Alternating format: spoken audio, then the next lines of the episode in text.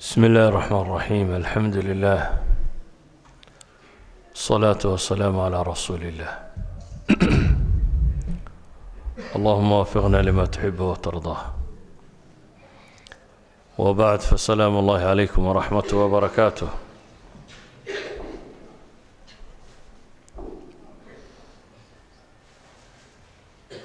mar hadduu raggan iyo raggii qur-aanka qaybay waxaan isku dayayaa uun qur'aanka inaan wax ka tilmaamo. Waxaynu wada ogsoonnay nebiga calayhi salaatu wasalaam wixii ugu horeeyey qur'aan ku soo dega. Isagoo aan waxna akhriyi jirin waxna qori jirin. Yacni nebi maxamed calayhi salaatu wasalaam ummi buu ahaa. Ummigu waa qof aan qoraalkana aqoon wax la qoray akhriskeedana aan aqoonin. Noloshii ku soo koray saas bay ahayd. Carab iyo dadkii dhulkaasi deganaana inta badan waxmay qori jirin. Dadka wax qoraa dad yar oo tirsan bay ahaayeen. Carabtuna may lahaynba haqaafada wax qoritaanka. Waxay ahaayeen oral society haqaafaadkan gabayada iyo afka iyo khudbadaha iyo wax la jeediye ku saabsan ee aan qoraal iyo buugaag iyo kutubtoona lahayn waxay ahaayeen dad diintu ka qalloocatay oo asnaam caabuda halkay ilaahay ka caabudi lahaayeen waxay ahaayeen dad dhaqamo badan oo ay wateen aanay ahayn dhaqamo islaamku uu soo dhoweynayo qur'aankii koowaad ee nebiga loo soo dhiibay calayhi salaatu wasalaam ee ku soo degaa wuxuu se ka hadlayay iqra bismi rabbika aladii khalaq khalaqa alinsaana min calaq iqra warabuka alakramu aladii callama bilqalam callama alinsaana maa lam yaclam. Qur'aankii koowaad ee nebiga ku soo degay wuxuu ka warramayay wax akhris iyo qoraal iyo qalim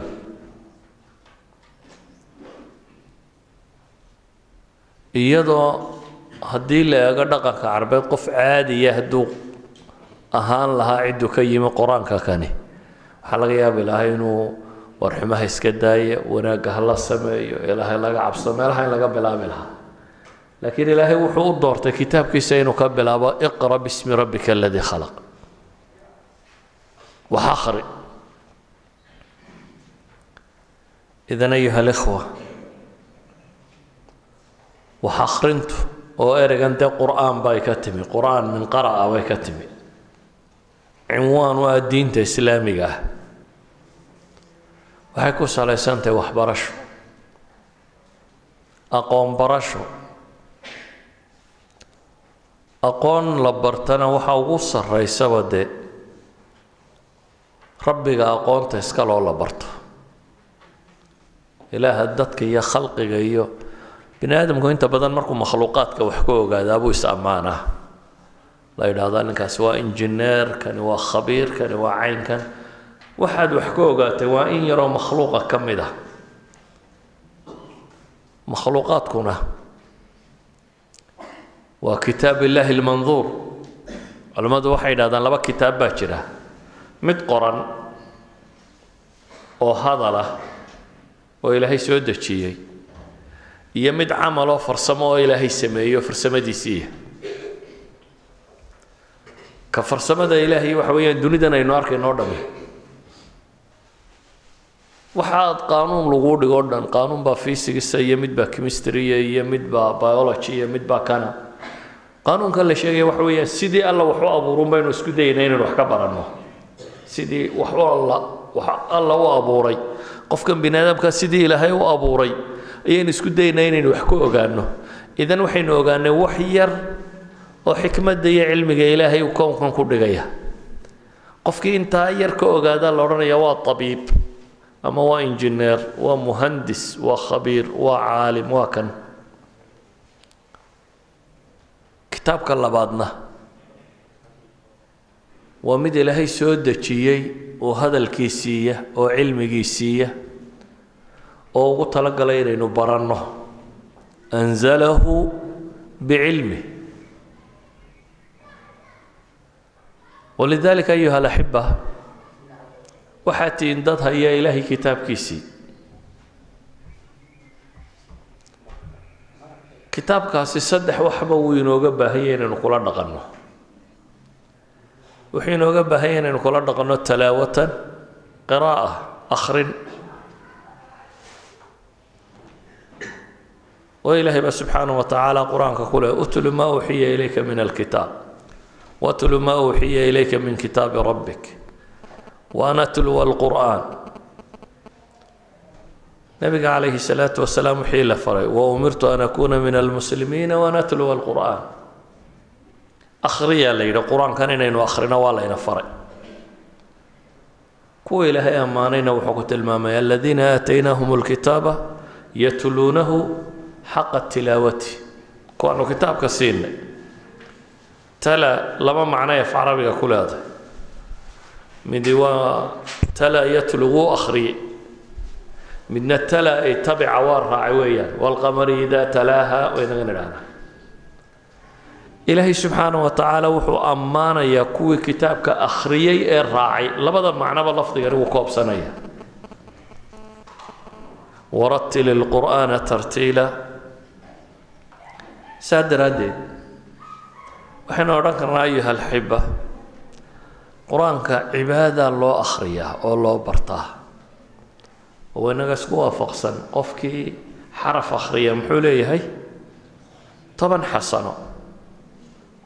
Inaa acطayna haddaad akhrida waxay culammadu ku sheegaan labiyo afartan xaraf meelaha inay tahy afar iyo labaatan afar boqol iyo labaatan ajara baad leedahay culammadan xuruufta qur'aanka tiriya qaarkood waxay ku tilmaamaan saddex boqol oo kun inuu ka badan yihi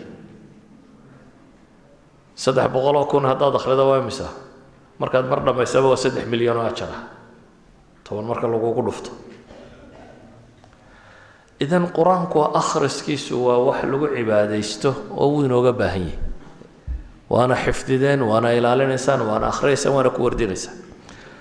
Laba kay laba shay oo kaleoo muhima ayaa markaasi iyana jira.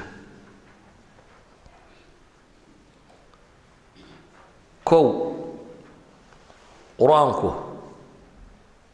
waa risaaladii nebi maxamed loo soo dhiibay waana mucjisadii nebi maxamed.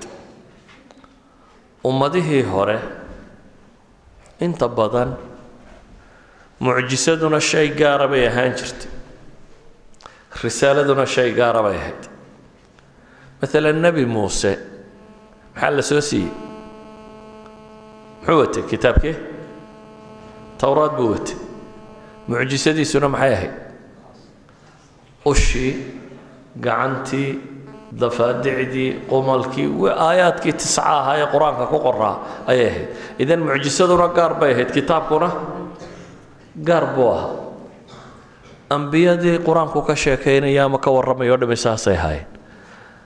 amaa nebi maxamed calayhi salaatu wasalaam mucjisadiisa iyo risaaladiisa waa mid qudha kitaabkan qur'aanka ah baa ah mucjisadii. Markaynu mucjiso leenahay maxaynu u jeednaa? Waa bayina waa wixii caddaynaya inuu rasuul yahay. Idan diintii nebi maxamed loo soo dhiiboo dhan kitaabka qur'aana baa u asala. Nebi maxamed inuu nebi yahay xaggaad ka ogaanaysa qur'aankan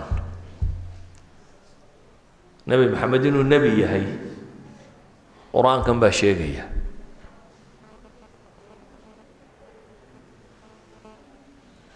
Isla markaa ilaahay wixii uu inagala hadlayay ee ah nolosheenna oo dhan inuu islaaxiyo. Wixii uu ku qoraana waa qur'aanka kan. Marka qur'aanku labadaas shay buu wadayay mar qura marna waa wixii nebi maxamed calayhi salaatu wasalaam nebinimadiisa caddaynayay. Marna waa wixii layna faraya inaynu ku dhaqanno ee sheegayay. Hadduu labadaa shay wadayay muxuu inooga baahan yahay markaa? Ma inaynu akhrino qura ku wardino? Maya. Wuxuu u baahan yahay inaynu fahamno oo ku tadaburno oo baranno oo culumta islaamiga ahi wuxuunbaa asal u ah qur'aankaasi inaynu si xooggan u dhuuxno. Oo nabigu calayhi salaatu wasalaam dadka wuxuu ku qiimeynaya kitaabka si u kala akhris badan yihiin salaada ayaa idin tukinayaa la yidhi kuma aqra'ukum likitaab illaahi baa la yidhi. Ka idinku qira'a fiican cod qura maaha. Waagii hore ninka qirada wanaagsanle wuxuu ahaa alaqra likitaab illaah ay alafham limaqaasidi waxaa ninka ugu aqoon badan leh waayo qur'aankan baa asal u ahaa xataa haddaad dhimataan oo xabaala laydin kala waayo. Nebigu qoladii uxud markii la aasayay muxuu yidhi labadii nin ee xabaasha lagu ridayeyba kee baa la horu marinaya xabaasha? Aqra'hum likitaab illaahi buu nebigu yidhi. Xabaasha waxaa ku horridaan ilaahay kitaabkiisa kii akhri badan haddaad dhimatana saasaa loo kala maamuus badan saa qur'aanka loo kala haysto ayaa maamuuska loo kala badan aakhirana waxaa loo kala mansilo sarraynayaa. Iqra' waratil kamaa kunta turatil iqra' wartaqi baa la yidhahaa akhriyo kor jannada. Aayadday kaaga dhammaata halkay joogtaa baad joogsanaysaa idan booska sare aakhiro jannada iyo magac iyo maamuuska lagu kala leeyahy xisaabta la taagan yahayna dee waa ka axaadiista badan inoo sheegaysa inuu qur'aanku isagoo shafeeca imanayo. Idan mansilada qofka mu'minka ahi waxay ku salaysantahay qur'aanka iyo intuu u jiro. Qur'aanka iyo siduu u fahmo siduu u akhriyo siduu u weeleeyo siduu u garto. Waxaynu kaloo tilmaamaynaa qur'aanku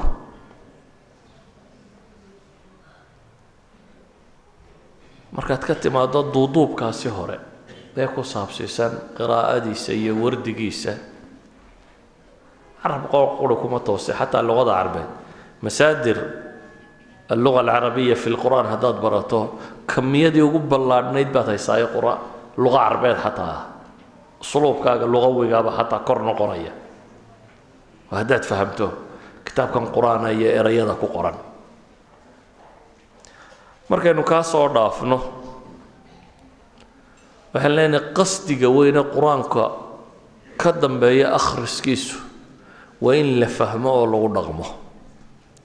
Rabbanaa wabcad fiihim rasuula minhum yatluu calayhim aayaatik wayucallimuhum alkitaaba walxikmata wayusakiihim ducadii nebi ibraahim ilaahu waxaad ka soo dhex saartaa mid qur'aanka ku akhriya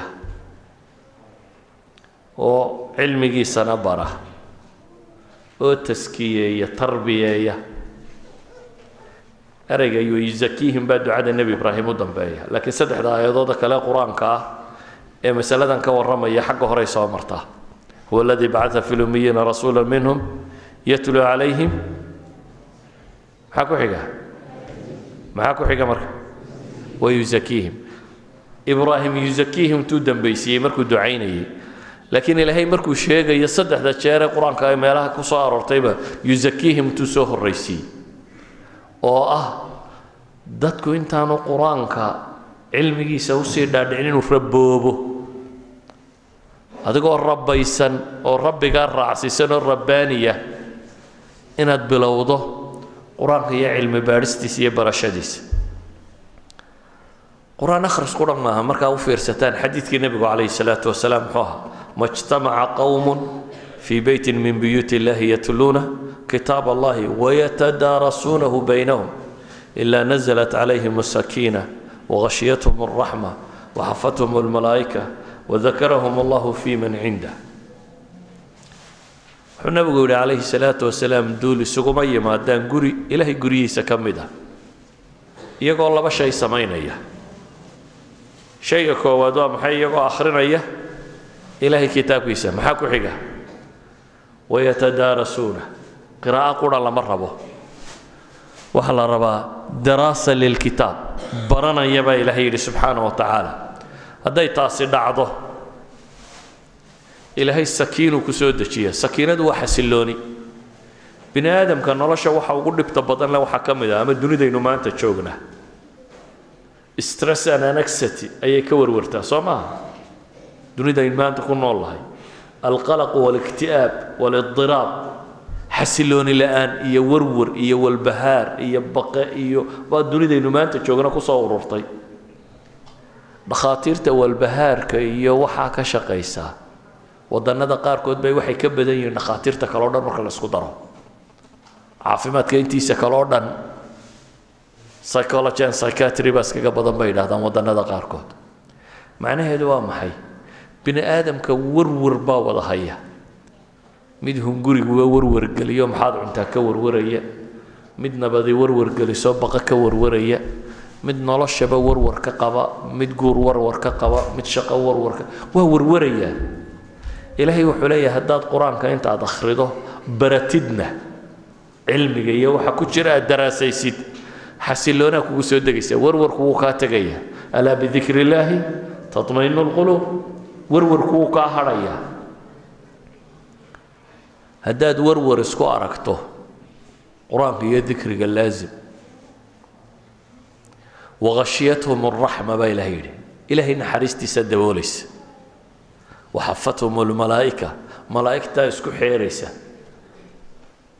Madaxda maxaa loo sameeyaa? Bini aadamka dunida askar iyo waxbaa la hortubaayo qaar salaamay iyo qaar soo dhaweey waxbaa soo dhaweeya soo maaha. Ahlullaahiga ahlulqur-aanka ilaahay wuxuu nebi maxamed ku tilmaamaya xafathum lmalaa'ika makhluuqaadka kuwii ugu khayrka badnaa ayaa xafaawa u haya soo dhowayntooda waa kuwa. Waxaa kaloo la tilmaamay bini aadamku in la sheegaa buu jecel yihi maxaa wax u baranaysaan iskuullada maxaa u dhigataan inta badan le iskuulka waxaa loo dhigtaa hunguri iyo magac raadin. Socaka maaha hunguri dee aad xoogsatid iyo magac raadin. Meel madaxaad noqotid ha lagu maamuso aada noqotid nin meel laga sheego meelahaasi. Ka waran qofka bini aadam sheeg sheega iyo iyo qofka rabbi sheego. Keebaa sheegmadiisu macno leedahay inaan inaguna hebel waa madaxweynihii waddanka waa wasiirkii sacaadatulwasiir nidhaahno iyo rabbi ku sheego keebaa habboon. Meesha lagaa sheegaya anaanay bini dhexdiisa ahayn. Halkan toban kaloo aan ku dhaamin ama kaa liitaa lagaa dhex sheegaya. Halkan waxaa la leeyahy waxaa lagaa sheegaya maxay? Wadakarahum allahu fii man cindah ilaahay baa wuxuu ka sheegaya kuwa agtiisa jooga. Malaa'ikat almuqarabiinka agtooda ayaa lagaa sheegaya. Waxaan leenahay markaa waxaynu u baahnay qur'aanku laba shay.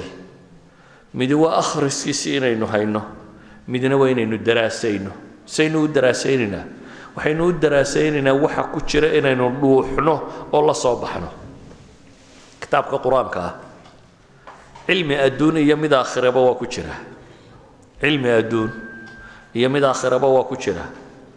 Taariikhihii ummaddii hore ee tagtay iyo taariikhda dunidee soo socotee naar iyo janno iyo xabaale iyo qabri iyo xisaab leh waa ku jiraan waxaa ku jira xaqaa'iqda cilmiga. Ah maanta culammada muslimiinta ee aqoon-yahanada cilmiga sayniskaa bartay waxay leeyihiin akthar min alfi aaya. Ayaa ishaaraad kowniya ka warramaysa. Kun aayadood oo qur'aanka ka mid a ayaa waxay tilmaamayaan baa la leeyahy ishaaraad kowniya khalqiga cirka dhulka dayaxa samada bini aadamka dhirta xoolaha xayawaanka quraanjada malabka shinnida. Ilaahay subxaana wa tacaala makhluuqaadkiisa o dhan buu ka warramaya. Oo weliba waxaasoo makhluuqa maxaa laga sheegaya? Ilaah calimo khabiiro ka warramaya. Yacni xaqaa'iq baa laga sheegaya. Waxa rabbi ka sheegaya waa xaqaa'iq qur'aanka waxaa ku jira intaas oo masalo tib iyo wax loo baahan yahay waxaa ku jira tashriica bini aadamku uu baahan yaho dhan. Oo ah waxa bini aadam qaanuun uu baahan yaho dhan. Mid siyaasadeed mid dhaqaaleed mid maamul mid madaniya mid criminala waxa bini aadam uu qaanuun u baahan yaho dhan baa ilaahay kaga warrama qur'aankan waxaa ku jira wax allaaliya wixii nolosha fudaydiyo oo dhan. Idan ayuha alikhwa qur'aanka markaad qaybtay ma ogsoon tahay inaad qaybtay mawsuucada dunida ugu weyn. Encyclopediaad sidaa. Encyclopedia soo ma taqaaniin? Mawsuucaadka. Mawsuucada maxaa lagu qoraa? Aqoonta bini aadamka wixii uu bini aadamku gaadhayba inta la isku ururiyo. Ayaa la yidhaha waa encyclopedia oo mawsuucadan bay ku qorantay kani waa xaqaa'iqdii rabbi uu ka warramayay wax walba uu ka sheegayay maa faratna fi lkitaabi min shay tibyaanan likulli shay ilaahay ku tilmaamayo. Wax kasta oo bini aadam u baahan yahay baa ku caddeeyey baa ilaahay leeyahy waxaan kaga tegay ma jirto. Idan waxaa ninka qur'aanka qaybay waxaa laabtiisa ku jira mawsuuca mawsuuca rabbaaniya buu xifdisan yihi laakiin waa mawsuuco furayaal u baahan waxaad u baahan tahay waa kunuus ee inaad furfurto. Laakiin haddaad intaad qaybtay meel iska dhigto tidhahdo qur'aankii waan qaybay iminka xagga sayniskaan wadaya. Waa mawsuucadaadii ugu weynaydna cidlaad dhigaysaa in yaroo bini aadamkula midi soo qooshqooshayna waad wax weyn baad ka dhigtay oo wakhti weyn baad gelisay. Ma lihin waxa baranin wax baraan leenahay. Laakiin waxaan leenahay wax la barto waxa ugu qiimo badan kitaabkan waxa ku jira haddaad dhuuxdo oo gaadho kan waxa ku jira yakfiik fi lxayaa kulliha. Walidaalika mawsuuca raggiina waxaa la yidhi waa xufaad. Macnaheedu waxa weeyaa mawsuucaadkii dunida ugu weynaa baa laabtiina ku jira. Ee waxaa u baahantiin inaad faktaan markaa. Furfuris bay u baahan tahay aayad waliba marka sidaa la yidhaahdo waxaa ka soo baxaya intaasoo xukumo sharciya waxaa ka soo baxaya intaasoo masalo kowniyo ay ka warramayso. Waxaa ka soo baxaya intaasoo qadiyadadoo dhaqaalo ay xalilayso waxaa ka soo baxaya intaasoo sharciyo ay tilmaamayso. Waxaa ka soo baxaya intaasoo qiso uu ka warramayso. Yaa ka warramaya waxan oo dhan. Anzalahu aladii yaclamu sira fi samaawaati walard ilaaha sirta iyo cirka iyo dhulkaba waxaa sir ku jira rabbiga og. Ayaa soo dejiya lagu yidhi iminka innaga haddii layna yidhaahdo khabiir baa yimi haddii lagu yidhahdo ka war. Dadku waxay odhanaya khabiir hebel dhakhtar hebel oo khabiiraa yimi. Waxay yidhahdaan qoladan psychologigu class baa la keena. Dabeetana iq-goodi iyo waxbarashadoodi iyo waxoodii baa la qiyaasay. Kadib baa waxaa lagu yidhi waxaa laydin keenaya macallin khabiira oo kuwa khatartee laga dambeeya ah dabeetana macallin macallimiintii caadiga ahayd unbaa loo keeno aanay garanaynin laakiin ardadaa waxay rumaysan tahay inuu ninkani yahay maxay? Macallimiinta ugu khatarsan dunida laga dambeeyo. Classku bay nataa'ijtiisii imtixaaniga iyo wixii oo dhami way isbeddeshay classkii kale way ka sarraysay macallinkanina wax ka badan muu dhigin bay yidhahdeen wixii macallimiinta kale dhigaysay. Maxaa isbedelay bay yidhahdeen waxaa isbedelay bay yidhahdeen maskaxda dadka. Maskaxda bini aadamku bay yidhahdeen waa loo forge gareeyo wax looga dhaadhiciyo walidalik baa waxaa la tilmaamaa qofku waxa waad qaban kartaa hadduu is yidhaahdo bay dhahay. Waxaa jira maalan berigii hore dream mile waxa la yidhahday sheegi jireen mailkaan afar minit ka badan bini aadamku afar minit ka yar hal mayl kuma ordi karaa la rumaysta. Oo xataa la isku dayay scientifically in la proof garayo saasaa la iska dhaadhiciyey nin dhakhtaroo ingiriisa unbaa yidhi war waxaan suurtagal maaha roger banner la odhan jiraa yidhi may. Dhakhtarna wuu ahaa orodyahanna wuu ahaa. Waa la jebin karaaye waa inaan tijaabiyaa. Mudduu waday wuu soo kordhiyey wuu soo kordhiyey afar minut labiyo toban sekond afar minut shan sekond wuu soo waday wuu jebiyey. Dabeetana waxaa la yidhi cajab nin baa soo baxay dunida mucjiso oo in yar kadib baa mid australia jebiyey. Sanadkii labaad saddex boqol oo nin oo dunida ka mid a orodyahankoodaa jebiyey saddex boqol oo nin.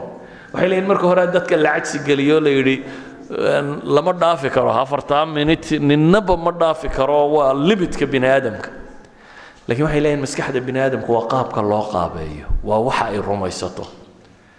Ilaahay kitaabkiisii baa sidaan macnaheed waxa weeyaan waxaa sidaan mucjisadii nebi maxamed calayhi salaatu wasalaam.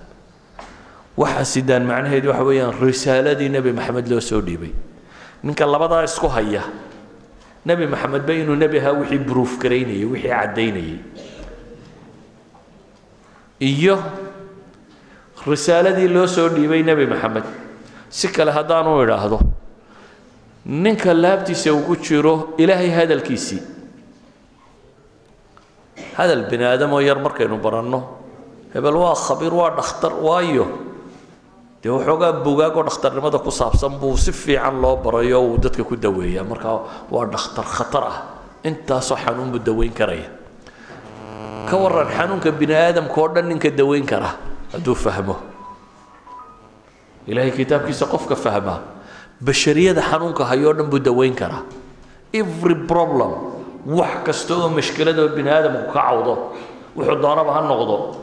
Waxaa laga helayaa kitaabkan qur'aanka. ah walidaalika ayuha alikhwa. Markaa u baahantiin inaad dib ugu noqotaan waxa weeyaan qur'aankii waan qaybay oo bes dabeetana nin waalanunbaa saa yeela. Nin waalanunbaa idhaa qur'aankii waa anigii qaybay oo dee malcaamadii iyo qur'aankii arrinkoodii wuu dhammaaday. Qur'aanka waxaad u qaybaysay waxay ahayd inaad furfurto inuu kuu fududaado saaad u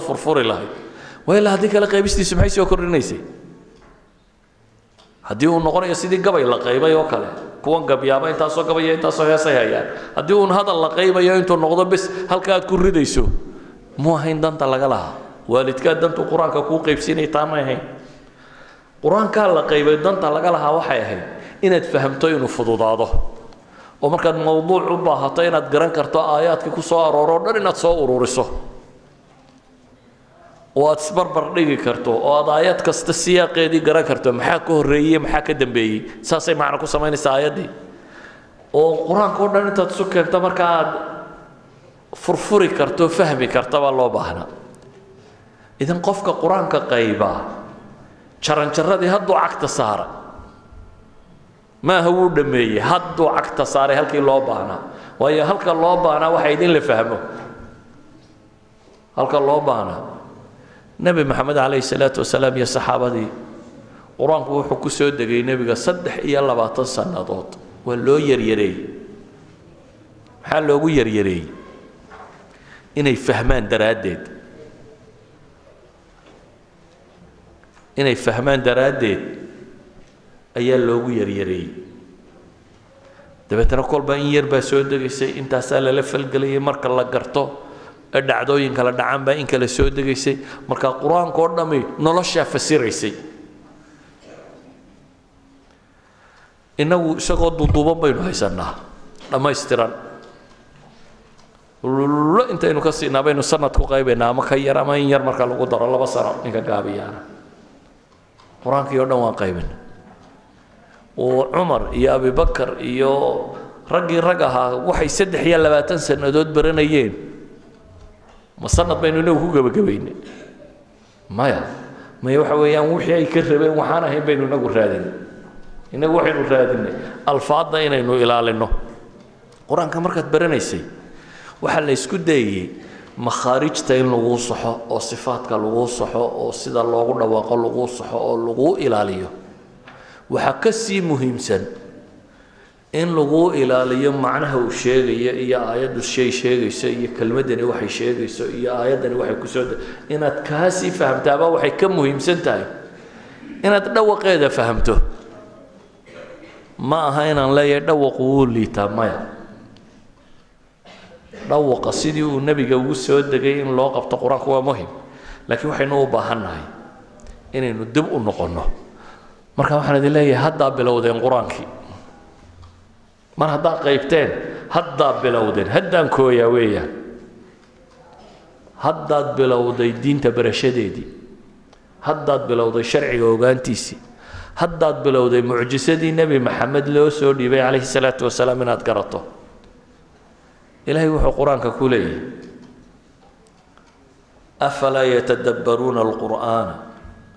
Walow kaana min cindi gayri illahi lawajaduu fiihi ikhtilaafan kaiira afalam yadabbaruu lqowla am jaaahum maa lam yati aabaa'ahum lwaliin am lam yacrifuu rasuulahum fahum lahu munkiruun kitaabun anzalnaahu ilayka liyadabbaruu aayaatihi waliyatadakara ulu lalbaab afalaa yatadabbaruuna alqur'aana am calaa quluubin aqfaaluha qur'aanka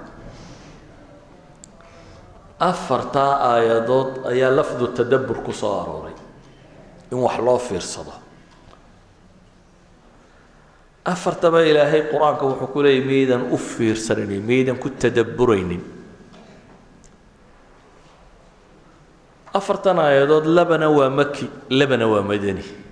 Laba intii maki maka la joogay saad iyo muuminuun labada aayadooda ku jira kitaabun anzalnaahu ilayka liyadabbaruu aayaati waliyatadakara ulul albaab iyo afalam yadabbaruu lqowla am jaahum maa lam yati aabaahum alawaliin makay ku soo degeen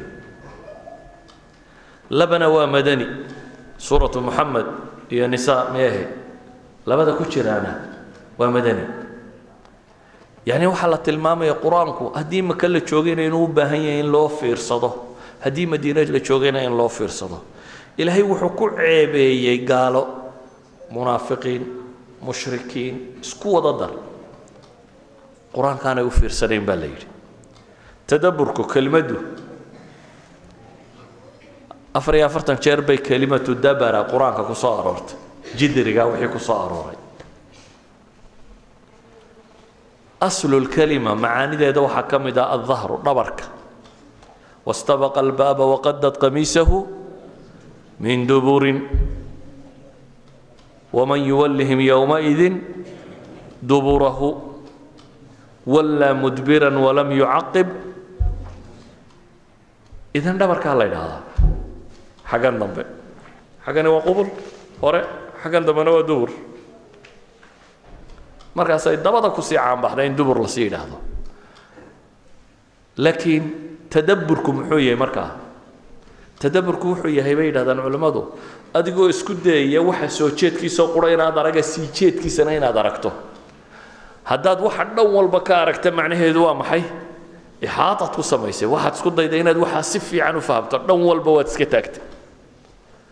Waxa ilaahayna leeyahay markaa laynama odhan qur'aanka miyaanay akhrinin miyaanay eegin miyaanay wax ka fahmin miyaan macnaa badhu dhaadhicin waxaa la leeyahay afalam yadabbaruu afalam yatadabbaruu waar miyaanay qur'aanka dhan walba iska taagin baa la leeyahy oo tafakurkooda iyo say u fakerayaan dhan walba qur'aanka miyaanay ka eegin. Ninka qur'aanka dhan walba ka eega ma gaaloobi karo weeyaan. Waayo gaalo ilaahay muxuu ku ceebeeyey afalaa yatadabbaruuna alqur'aana? Waa munaafiqiintii. Am calaa quluubin? Akfaaluha afalaa yatadabbaruun ayucraduuna walaa yatadabbaruuna alqur'aan. Miyay ka jeesanayaan qur'aanka u fiirsan maayaan? Am calaa quluubin akfaaluha bal calaa quluubin akfaaluha qalbigaa kuwan xidhan baa ilahay yidhi subxaana wa tacaala. Kuwii horena waxaa lagu tilmaama oo ilaahay subxaana wa tacaala uu leeyahay. Markii la sheegay afalaa yatadabbaruuna alqur'aana walow kaana min cindi gayri illaahi lawajaduu fiihi ikhtilaafan kaiira gaalada baa ilaahay yidhi miyaanay qur'aanka u fiirsanoo dhan walba ka eegin oo waayo walow kaana min cindi gayri illaahi qur'aankani hadduu ka iman lahaa cid aan alle ahayn maxaa dhici lahaa lawajaduu fiihi ikhtilaafan kaiira isbaraanbarin isburin godaloolooyin badan baa la heli lahaa gary miller wuxuu ku tilmaamayaa waa falsification test waxay yidhaahdaan. Yacni qolyahan cilmi baadhka sameeya. Marka jaamacadaha iyo meelaha kan la joogo meelaha wax lagu baadho ninbaa baxi sameeyo waxbuu soo ogaadaa. Waxa uu soo ogaaday nadariyad buu keenaa. Uu leeyahy waxaasi caynkaa iyo caynkaa weeyaan. Intaan mujtamaca cilmigii aqbalin nadariyaddan waa loo soo bandhigaa mujtamaca cilmiga marka baxiga loo soo bandhigo waxaa la ysku dayaa in la duro oo la buriyo. Ninkaasi wuxuu sheegayey dhan walba in laga galo oo la muujiyo inay dumi karto. Hadday dumi weydo markaa la waayo wax ra'yiya oo dalooliya ama experimenta ama cilmi baadhiso aragtidaa dalooliye haddii la waayo waxaa la yidhahdaa waa aragti cilmiya oo masaafka cilmigaa gaadhaa markaa wax lagu qoraa alkutub alcilmiya qaacida munadama la qaato dabeetana waxaa la yidhaha falsification test baa la yidhahdaa waxaa la mariyo. Nafsu shay baa ilaahayna leeyahay mariya qur'aanka bal. Waxaa ilaahayna leeyahay subxaana wa tacaala afalam yatadabbaru lqur'aan qur'aankan miyaanay u fiirsanin. Walow kaana min cindi gayri illaahi lawajaduu fiihi ikhtilaafan kaiira baa ilahay leeyahy ilaahay cid ahayn hadduu ka yimaado oo dee kitaab mawsuuco ah oo aakhiro iyo adduun warramaya oo janno iyo naar ka warramaya oo dhaqaale iyo siyaasad ka warramaya oo taarikh hore iyo taarikh dambe ka warramaya oo sharci ka warramaya qaanuun madani qaanuun jinaa'iya ka warramaya oo kownka iyo ishaaraadkiisa ka warramaya oo wax walba sheegaya. Waa mawsuuca. Haddana aan wax isbaraanbarinayo wax la daloolin karaa ku jirin. Waxay sheegaysaa inuu mucjis waxay sheegaysaa min cindi rabbi alcaalamiin inuu ka yimi waxay sheegaysaa inuu nebi maxamed nebi yahay calayhi salaatu wasalaam ilahay markaa wuxuuna leeyahy qur'aankan dhan walba ka eego. Gaalkaa lagu ceebeeyey inuu dhan walba ka eegi waaye. Munaafaqaa lagu ceebeeyey inuu dhan walba ka eegi waaye. Innagana waxaa laynagu yidhi kitaabun anzalnaahu ilayka. Maxaa ku xiga. Okay kitaabkaa laynoo soo dejiyey innagana waxaa layna yidhi waa mubaarak. Waa barakaysan yihi wax waloo khayra baa ku jira maxaa loo soo dejiyey? liyadabbaruu. Aayaatihi baa ilaahay yidhi waliyatadakara ulul albaab. Danta laga leeya lama odhanan liyaqra'uu aayaatihi. Ee waxaa la yidhi maxay? Liyadabbaruu aayaatihi. Markaad qur'aanka qaybtay jaranjaradii baad isa soo taagtay qur'aanka looga baahnaa. Halkaasaad jaranjaradii koowaad baad timi. Waxaad u baahan tahay markaa inaad fahamto waxaad u baahan tahay inaad barato. Barashadiisa ayaa nolosha kugu filan. Walidaalika baa culamo waaweyni. Ayaa waxaa la sheegaa aakhirulcumrigoodii waxay ka calaacaleen. Wax badan aan wax kale ku bixiyey. Haddaan qur'aanka ku bixin lahaa. Haddaba nimanaynu a'immo u haysano waa ibnu taymiya. Ibnu taymiya waxaa la yidhaha markuu gaboobay waxyaabuu ku calaacalaya waxaa ka mid ahaa. Haddaan wakhtigaan wax kale ku bixiyey qur'aanka ku bixin lahaa wax badan oo kale uu baadhay oo cilmiya wuxuu leeyahay haddaan qur'aanka ku bixin lahaa baan ka sii faa'iido badnaan lahayd. Haddaan isaga baadhistiisa tiro badin lahaa. Waxaynu u baahanay marka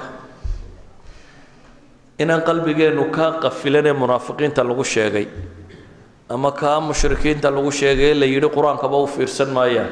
Afalam yadabbaruu lqowl kuwa lagu sheegaya inaynan ka mid noqonin ee ku biiro kuwa qur'aanka u fiirsada. Oo kuwa qur'aanka u fiirsada waxay kala tagaan macno dhammaanteedba. Kuwa u fiirsan waaya. Bal u fiirsa ilaahay siduu u ceebeeyey ilaahay wuxuu yidhi waman adlamu? Yaa ka dulmi badan baa la yidhi. Miman dukira biaayaati rabbihi faacrada canha. Waman adlamu miman dukira biaayaati rabbihi uma acrada canha. Waa laba aayadood oo kala gedisan. Ilaahay wuxuu leeya yaa ka dulmi badan. Mid qur'aan loo sheegay oo ka jeestay oo bal mid hayo isagu ka jeestay dhegayso kan waaba loo sheegaya mid isagu laabta ku sitoo ka jeestay. Qur'aan nin laabta ku sita oo garanayo xifdisan oo aan iskuba dayin inuu fahmoba aan iskuba dayinba inuu fahmo. Ilaahay wuxuu leeya yaa kaa ka dulmi badan. Waayo nin qur'aan sita oo le waxba garan maayo wuxuu la mid yahay. Nin biyo iyo raashin sitoo yidhaahda gaajo iyo haraad baanu litaa ayaa waxaan cunaysiiya. Maxaad odhan lahayd waa nin yaro waalan soo maa tidhaahdeen? Haddaad u timaado nin gaadhigiisa ama faraskiisa wuxuu wato. Raashin nooc walba ah iyo biyo iyo sharaab nooc walbay ku raran yihiin oo dadka dawarsanaya haddaad aragto maxaad samayn lahayd? Oo le aan waxaan cunayaa ii dhiibay ama waxaan cabaya i siiyey? Waxaa odhan lahayd kan waa mactuuh shubaya dhaandhaan. Soo maha waxbaa ka yaro maqan. Nin qur'aan hayoole yaa waxbaro meel kale orordaya oo waxbarasho kale raadinaya waa shuwaya mactuuh waayo wixii bini aadanba baran lahaa ee cirka ka soo degay ee rabbu samaawaat uu soo dejiyey ninkuu agtiisa taalla ee wax kale raadceeyey. Reer banu israa'iil markii almanu wasalwa la siiyey maxay idhaahdeen maxay idhaahdeen basalya baanu doonaynaa miyay idhaahdeen iyo iyo cadas iyo waxaa loo jeedin. Waa nimankii waxaa la siiyey. Waxaa la mid a ninka qur'aan la siiyey. Ee sheekooyinkan meelahan dhadhow lagu hayo daydeeya iyo reer nebi aadameynahan ay qorqoreen oo qura daydeeya wuxuu la mid yahay atastabdiluun kuwaa ilaahay ku tilmaamay. Kuwaa la yidhi ma waxaa wax ku bedelanaysaa waxa kan qur'aanka nebi moxamed calayhi salaatu wasalaam cidda mashquulka ku ah sababta loo ammaanay waa kaa markaa khayrukum man tacallama alqur'aana wacallama man tacallama alqur'aana maaha bialfaadihi wa xuruufihi faqat ninka xarfihiisa bartay oo qura maaha waa man tacallama alqur'aan baa la yidhi. Qur'aanka ninka bartay lafdan wa macnan bartay. Risaaladaasi ogaaday oo dadkana gaadhsiiyey kaas khayrukum baa nebi maxamed ku sheegaya. Waa ninka idinku khayr badan. Ilahay wuxuu leeyay walaakin kunuu rabbaaniyiina bima kuntum tucallimuuna alkitaaba wa bima kuntum tadrusuun daraasa waa cilmi baynu u baahannay inaynu baranno waxaa laga yaabaa dadka badh in lagu yidhi dee wuu adag yahay qur'aanku. Af carabiga ka sii adago qur'aankaa sii adago haye af ingiriisiga fudud baa umalaynaysaa qur'aanku ma adka af carabiguna ma adka ilaahay wuxuu leeyahy fainamaa yasarnaahu bilisaanika lacallahum yatadakaruun walaqad yasarna alqur'aana lidikri fahal min mudakir fainamaa yasarnaahu bilisaanika litubashira bihi lmuttaqiin ilahay wuxuu ku tilmaamayaa kitaab muyasar bitaysiir ilaahi subxaana wa tacaala waa kitaab fudud baa rabbi yidhi intaasoo fanniyo meel qura ku wada qoran oo haddana fudud weeyaan baa ilahay yidhi ile ninka qur'aanka baranaya waa nin qaanuun baranaya oo siyaasad baranaya oo iqtisaad baranaya oo caqiido baranaya oo sharci baranaya oo akhlaaq baranaya oo taariikh baranaya oo aakhiro iyo qiyaamo baranaya oo dikri baranaya oo ilaahay sidaa loo baryo baranaya oo sidaa loo cibaadaysta baranaya oo gaalnimo waxay tahay baranaya. Waxaasoo cilmiya ninka wada baranaya. Ee is waxaasoo dhan baro. Hadduu is idhahdo xaggan bini aadamka ka baado doontiihi baa ku dhacaya. Intaaba ma wada ogaan kartid. In yaroo intaa ka mid ay kuu walwalaaqi doonaan. Laakiin haddaad rabto intaba inaad wada ogaato qur'aanku maro intaba haddaad rabto inaad wada ogaato. Kitaabkan bay intaba ku wada qorantay. Bal huwa aayaatun bayinaatun fii suduuri aladiina uutuu lcilma baa ilaah yidhi. Waa aayaad cadcad buu qur'aankani ku yahay. Kuwa cilmiga la siiyey laabtooda. Walaqad ji'naahum bikitaabin fasalnaahu calaa cilmin hudan waraxmatan liqowmin yu'minuun. Waxaanu la nimi baa leeyay bini aadamka kitaab fasalnaahu calaa cilmin. Aanu kala bixbixinnay oo aqoon lagu kala bixbixiyey baa ilaahay leeyay kitaab aqoon iyo cilmi lagu kala bixbixiyey baan u keennay baa rabbi leeyay subxaana wa tacaala. Qur'aanka waxaa rabbi ku tilmaamaya inuu yahay nuurka wax lagu ifsado. Laydhkan maxaa lagu falaya? In wax lagu ifsado soo maaha. Shayga aad rabto inaad aragto inaad si waadixa u aragtid ayaa toojkan iyo nalkan laynoogu ifiyey kamaradaasi inay si waadixa ah wax u sawiri karto. Haddii nalka la damiyo kamaradaasi sawir aan wada muuqanaynin bay soo saaraysaa. Ilaahay qur'aanka wuxuu leeyay yaa ayuha nnaasu qad jaakum burhaanu min rabbikum waanzalnaa ilaykum nuuran mubiinan baa ilaah yidhi. Nuuran mubiinan nuur cad baa alla leeyay subxaana wa tacaala. Qad jaakum min allahi nuuru wa kitaabun mubiin به الله من اتبع رضوانه سبل السلام فامنوا بالله ورسوله حكو حقه والنور الذي أنزلنا إلهي الرمي الرسول كي سبا إيا النور كي أن سودة شيبا إلهي لي the light إف كي أن دي سودة شيبا muxuu ifinayaa alxayaa kulliha nolosha dhammaanteed buu ifinayaa haddaad aakhiro doonayso isagaa lagu ifiyaa haddaad adduunka doonayso isagaa lagu ifiyaa haddaad sharci iyo qaanuun doonayso isagaa lagu ifiyaa haddaad siyaasad iyo dhaqaale doonayso isagaa lagu ifiyaa waxaad u baahan tahay noloshoo dhan isagaa ifinaya waa nuurun yustadaa'u bihi waa nuur magdiyada lagaga baxo فالذين آمنوا به وعزروه ونصروه واتبعوا النور الذي أنزل معه با إلهي نبي محمد كوي الرمية وهيلية تاغيري إيه محي راعي با ليلي واتبعوا النور الذي أنزل معه أولئك هم المفلحون ولذلك أيها الإخوة الحسن بن العلي بوحليه إن من كان قبلكم رأوا القرآن رسائل من ربهم فكانوا يتدبرونها بالليل ويتفقدونها في النهار بولي isagoo dad la hadlaya wuxuu ihi kuwii idinka idinka horreeyey saxaabaddii nebigu sheegaya waxay ahaayeen buu yihi qur'aanka waxay u arkayeen risaalado xagga ilaahay uga yimi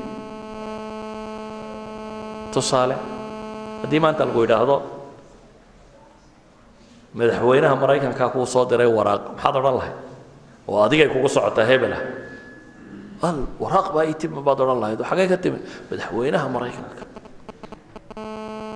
madaxweynaha maraykanka dee nin weyn kula ah. Midda kale waxaad is leedahay agtiisa dawlad iyo lacag iyo xoolo iyo waxbaa yaalo ma uun hungura kaaga jira. Wuxuun laga heli kara ninkaas. Ta kale adiga markuu gaarka kuugu soo diray waraaqdaas sidaad yeeli lahayd.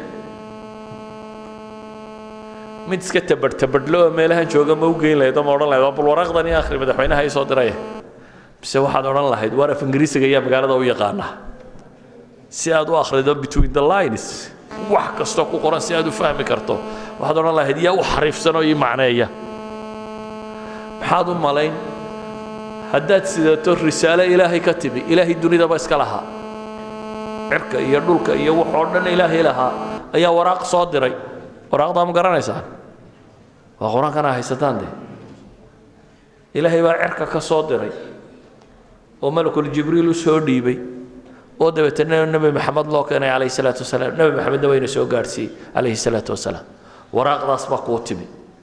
Waraaqdaasi markaynu rabno inaynu akhrino maxay u baahan tahay inaynu sidee u akhrino? Waraaqdii madaxweynaha yan ama ninka waxoogaaga haysta uu kuu soo diray baad la raadisay cid taqaanee. Waraaqda ayaa lala raadinayaa markaa. Qofba qofku ka aqoonta badan iyo uga aqoonta badan yahay inaynu la raadinaa inuu inoo akhriyo. Inoo sharxo waxa ku qoran saa daraaddeed buu xasan ibnu lcaliy wuxuu leeyahy ina man kaana qablakum ra'w alqur'aana rasaa'ila min rabbihim. Kuwii idinka idinka horreeyey qur'aankan waxay u arkayeen buu yidhi risaalo xagga alle uga timi. Dabeetana fakaanuu yatadabbaruunaha fakaanuu yatadabbaruunaha bileyl habeenoo dhan way u fiirsanayeen. Habeenkii salaatuleylka marka la kaco cibaado qura looma kaco. Waa wakhti dunida aan jirin oo cagtu go'do oo sanqadhu go'do. Iminka haddaad istidhaahdo halkan istaag cod baa baxaya meel walba. Saani waxu maqli maysid habeenkii laakiin haddaan cod jirin gaadhiga madaxtooyada agteeda maraya waad maqlaysaa sanqadhiisa. Iminkase maqli maysidka halkaa maraya. Waayo dawda tiro badan baa ka sokeeya.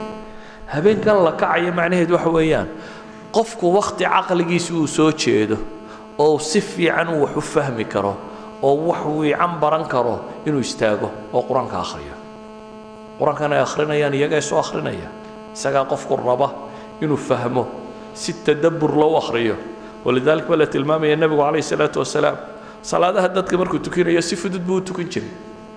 Laakiin markuu keligii tukanayo qur'aanka akhriskiisa wuu la noolaan jiray aayad cadaaba hadduu soo maro ilaahay buu ka magangeli jiray. Mid janna hadduu soo maro ilaahay buu weydiisan jiray. Waa ku tadabburi jiray waa ku khushuuci jiray waa ilmayn jiray. Qur'aankan buu isku dayayay inuu fahmo.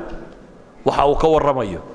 Idan marka habeenkii la kacayo la leeyahy salaatu leyl baa loo kacayaa. Dadku waxay u fahmeen inuu ajar la raadinayo cibaado. Ajarka iyo cibaadada waxaa ka sii muhiimsan in la fahmo ilaahay kitaabkiisa oo wakhti aan sanqadh iyo buuq iyo waxba toona jirin. Inaad isku daydo rabbigaa kalaamkiisa inaad akhrido idan ayuha alikhwa haddaad rabto qur'aanka inaad fahamto qalbigaagaa la ururiyaa ilahi wuxuu leey ina fii dalika ladikra liman kana lahu qalbun aw alqa samca wa huwa shahiid. Qur'aanka kan waxa waana ugu sugantay baa la yidhi liman kaana lahu qalb qalbi xayiya qofka leh qalbigu hadduu ku daboolmo dembigu intuu ka bato iyo akhlaaq xumada iyo dhaqan xumadu ka badato wuu daboolmaa markaa hadduu daboolmo wax fiicani ma galaan.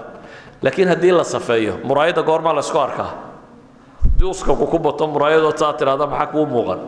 Uska geedunbaad arki dee adigu is arki maysid. Laakiin haddaad safayso maxaad arkaysaa? Markaasaad is qalbiga bini aadamkuna waa saasoo kale. Haddii xumaha laga safeeyo cibaadaadkan iyo dikrigan iyo istakfirullahkan iyo macasidoo laga dheeraada safeeya. Haddii laga safeeyo waxaa soo baxaya qur'aanku waxaad u fahmaysaa si aanad weligaa u fahmi jirin. Si aanad hore ugu fahmi jirin baad u fahmaysaa. Walidaalika waxaa la yidhi qur'aankan waxaa ku waantooba liman kaana lahu qalbun mid qalbi xayiya leh aw alqa samca dhegta raariciyey. Waxay idhaahdaan dhegta iyo afku iskuma fiicna isku mar ma shaqeeyaan haddaad hadlayso wax ma maqlaysaa si fiican wax ma maqli maysid marka aad rabto inaad wax maqasho maxaad samaysaa? Waa balaamusa baad tidhaahdaa yani afkaa la xidhaa si dhegtu maxay? Ay si fiican wax ugu maqasho.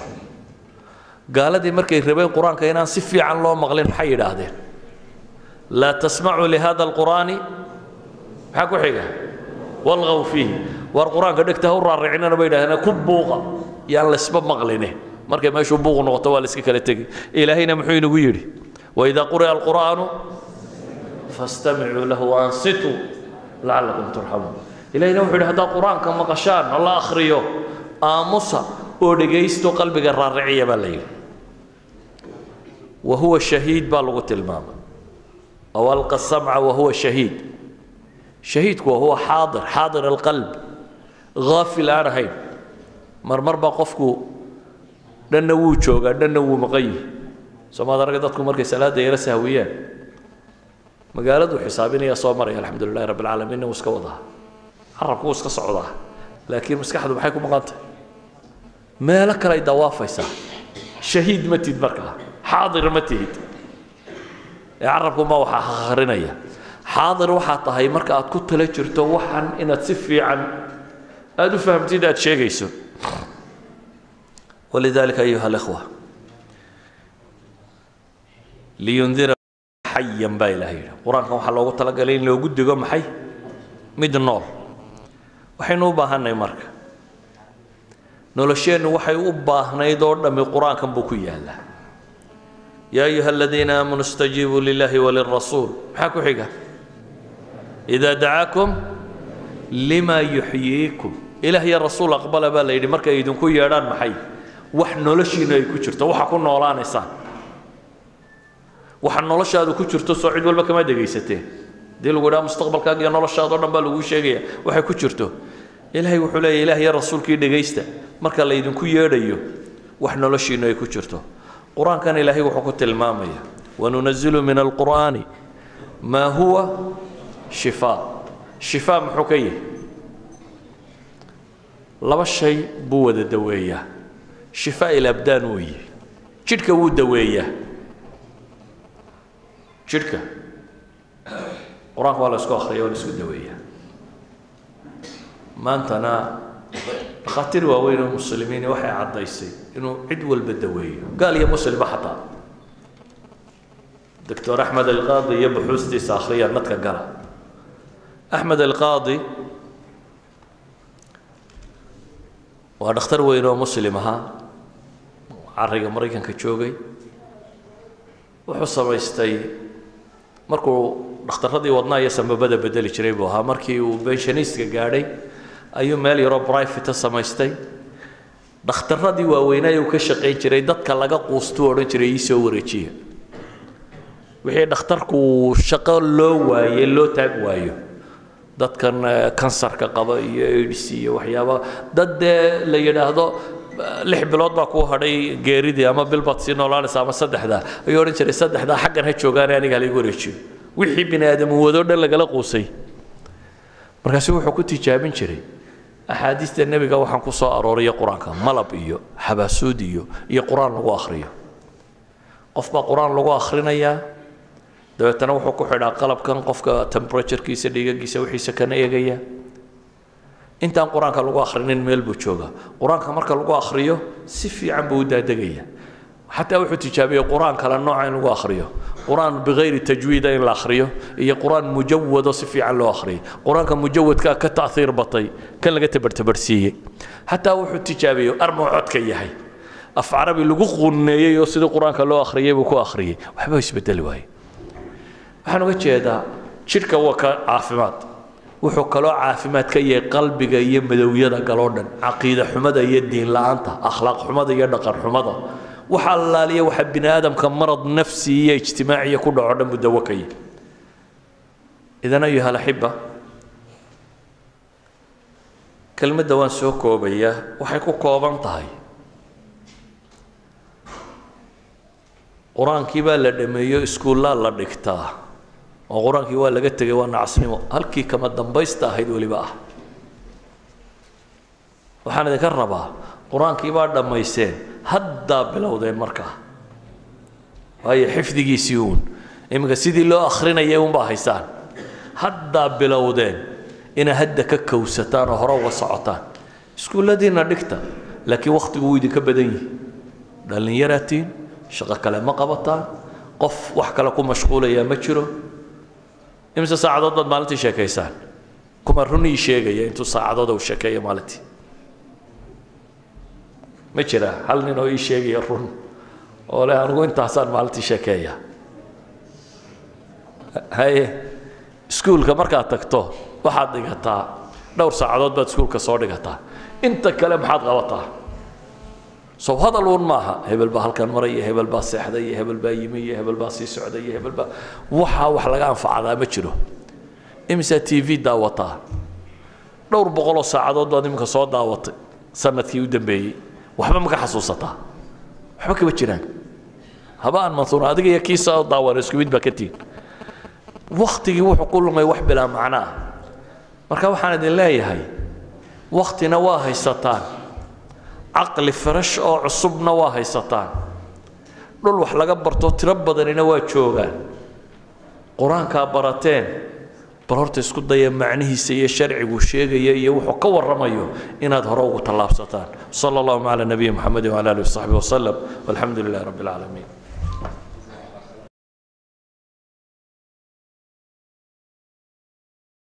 xeeraysa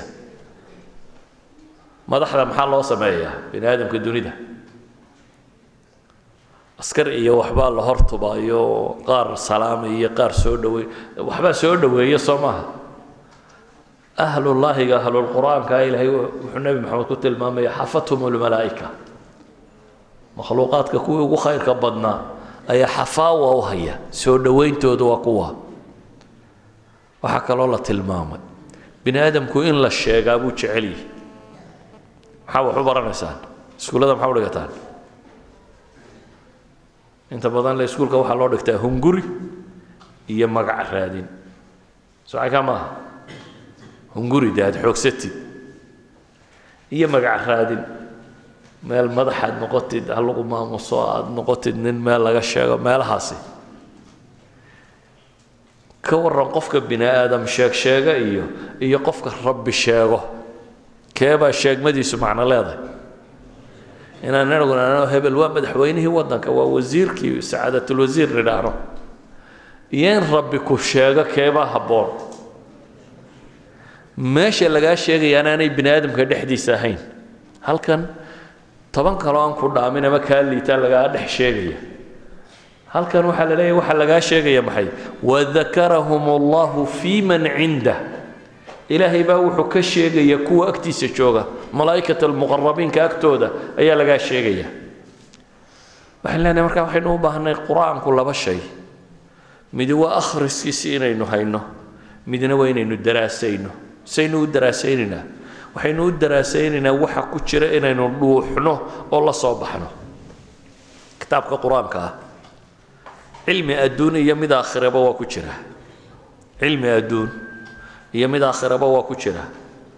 Taariikhihii ummaddii hore ee tegtay iyo taariikhda dunidee soo socotee naar iyo janno iyo xabaale iyo qamri iyo xisaab leh waa ku jiraan waxaa ku jira xaqaa'iqda cilmiga. Ah maanta culammada muslimiinta ee aqoon-yahanada cilmiga sayniskaa bartay waxay leeyihiin akthar min alfi aaya. Ayaa ishaaraad kowniya ka warramaysa.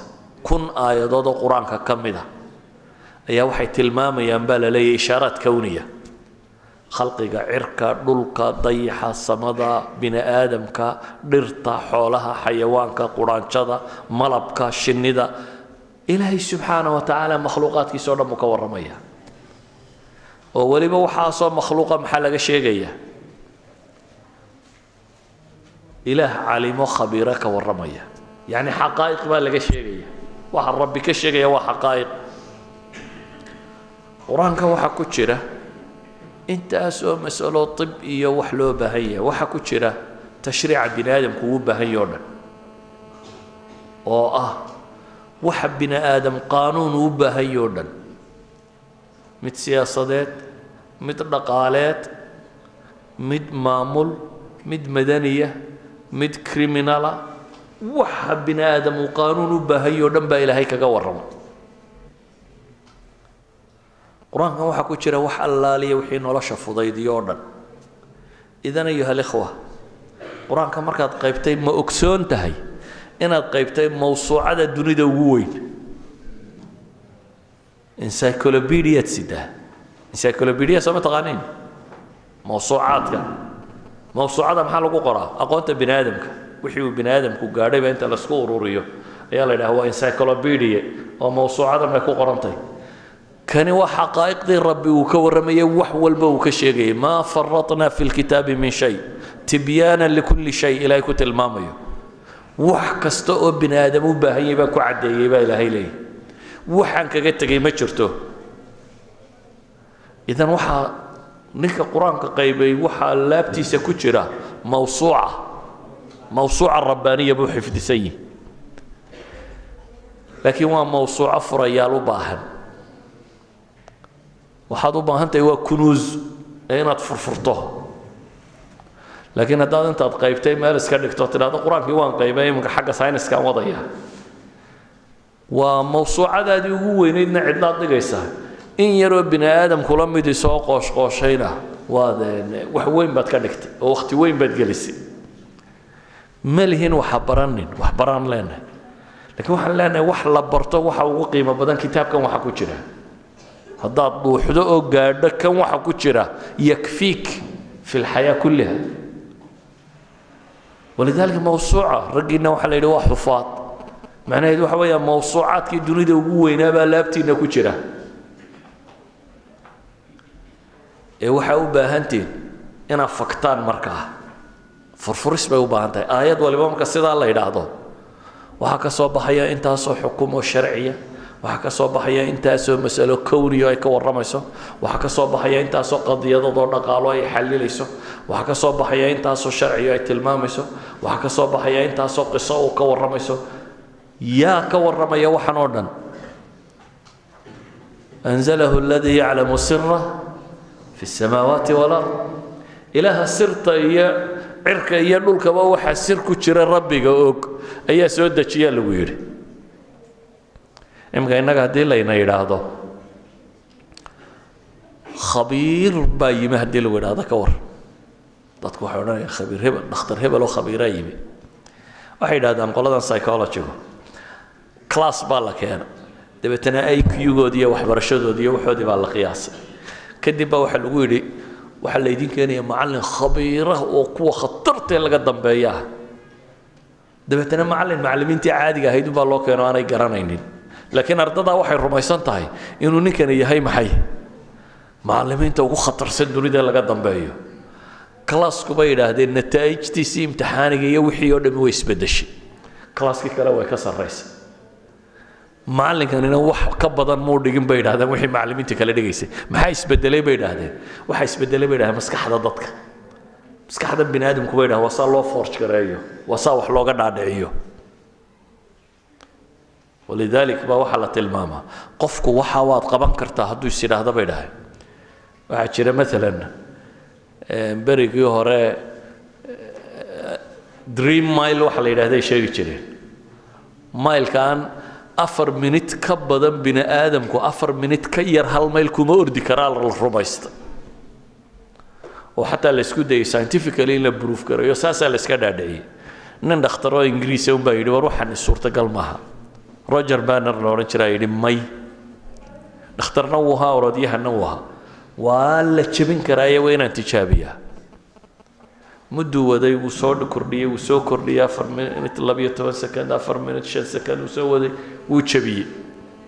Dabeetana waxaa la yidhi cajab nin baa soo baxay dunida mucjiso oo in yar kadib baa mid australia jebiyey. Sanadkii labaad saddex boqol oo nin oo dunida ka mid a orodyahankoodaa jebiyey saddex boqol oo nin. Waxay leeyihiin marka hore dadka la cagsi geliyoo la yidhi lama dhaafi karo afartaa minit ninnaba ma dhaafi karo waa limitka bini aadamka lakiin waxay leeyihiin maskaxda bini aadamku waa qaabka loo qaabeeyo waa waxa ay rumaysato. Ilaahay kitaabkiisii baa sidaan macnaheedu waxa weeyaan waxaa sidaan mucjisadii nebi maxamed calayhi salaatu wasalaam. Waxaa sidaan macnaheedu waxa weeyaan risaaladii nebi maxamed loo soo dhiibay. Ninka labadaa isku haya nebi maxamedba inuu nebi ahaa wixii bruuf garaynayay wixii caddaynayay.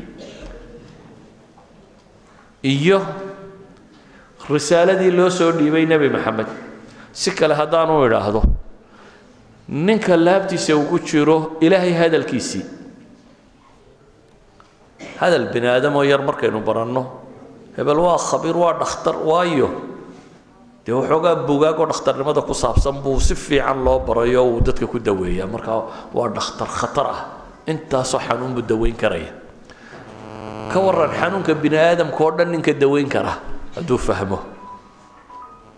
Ilaahay kitaabkiisa qofka fahmaa bashariyada xanuunka hayoo dhan buu daweyn karaa. Every problem wax kasta oo mashkiladoo bini aadamku ka cawdo wuxuu doonaba ha noqdo. Waxaa laga helayaa kitaabkan qur'aanka. ah walidaalika ayuha alikhwa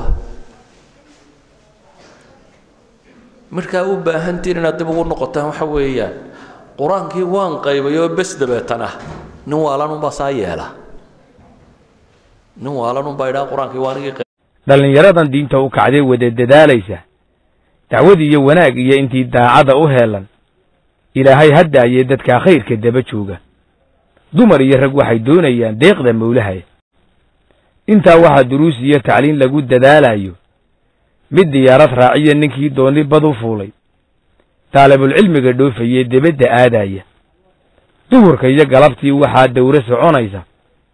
Dadka khayrka lagu soo dumee lagu dabiibaayo. Muxaadarada darandooriga ah ee laysu daba joojiyey. Danta looga jeedaa ma aha duunye iyo maale.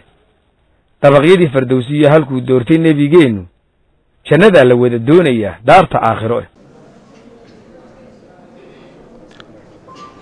بسم الله الحمد لله والصلاة والسلام على رسول الله صلى الله عليه وسلم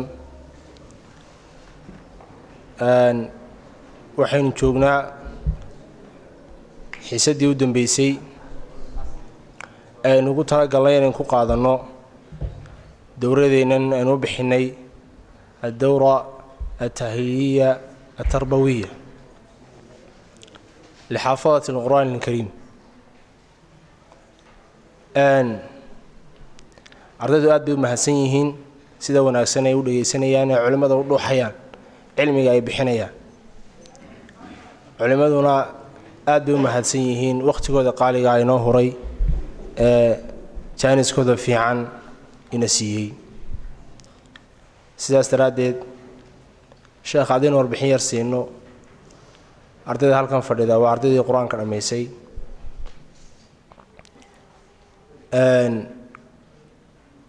way kala duwan yihiin muddooyinka ay dhameeyeen goobaha ka yimaadeenna way kala duwan yihiin. Waxay ka kooban yihiin toban sekantari sekantariyadii ugu sarreeyey dalka.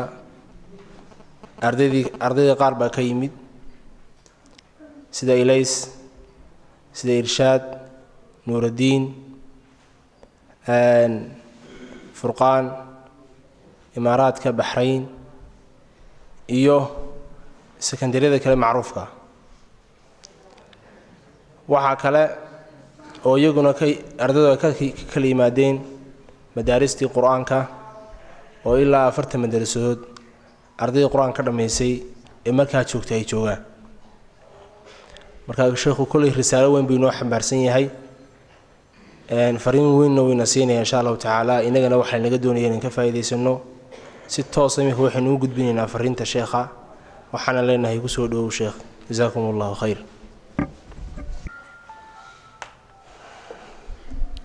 bismi illaahi raxmaan raxiim alxamdu lilah asalaatu wasalaamu calaa rasuuli illah allahuma waafiqna lima tuxibu watardaa wa fasalaamu allahi calaykum waraxmatu wabarakaatuh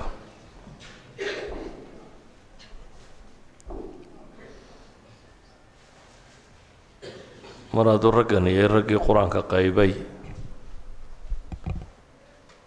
Waxaan isku dayayaa uun qur'aanka inaan wax ka tilmaamo.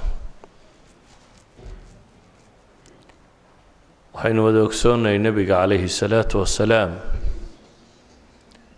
wixii ugu horreeyey qur'aan ku soo dega. Isagoo aan waxna akhriyi jirin waxna qori jirin. Yacni nebi maxamed calayhi salaatu wasalaam ummi buu ahaa ummigu waa qof aan qoraalkana aqoon. Wax la qoray akhriskeedana aan aqoonin. Noloshii ku soo koray saas bay ahayd. Carab iyo dadkii dhulkaasi deganaana inta badan waxmay qori jirin. Dadka wax qoraa dad yar oo tirsan bay ahaayeen. Carabtuna may lahaynba haqaafada wax qoritaanka waxay ahaayeen oral society haqaafaadkan gabayada iyo afka iyo khudbadaha iyo waxa la jeediye ku saabsan ee aan qoraal iyo buugaag iyo kutubtoona lahayn. Waxay ahaayeen dad diintu ka qalloocatay oo asnaam caabuda halkay ilaahay ka caabudi lahaayeen. Waxay ahayn dad dhaqamo badan oo ay wateen aanay ahayn dhaqamo islaamku uu soo dhoweynayo qur'aankii koowaad ee nebiga loo soo dhiibay calayhi salaatu wasalaam ee ku soo degaa wuxuu se ka hadlayay iqra bismi rabbika aladii khalaq khalaqa alinsaana min calaq iqra warabuka alakramu aladii callama bilqalam callama alinsaana maa lam yaclam qur'aankii koowaad ee nebiga ku soo degay wuxuu ka warramayay wax akhris iyo qoraal iyo qalim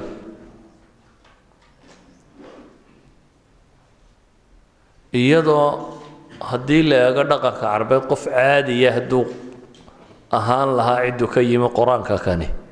Waxaa laga yaabi lahaa inuu warxumaha iska daayo wanaagga ha la sameeyo ilaahay laga cabsado meelaha in laga bilaabi lahaa.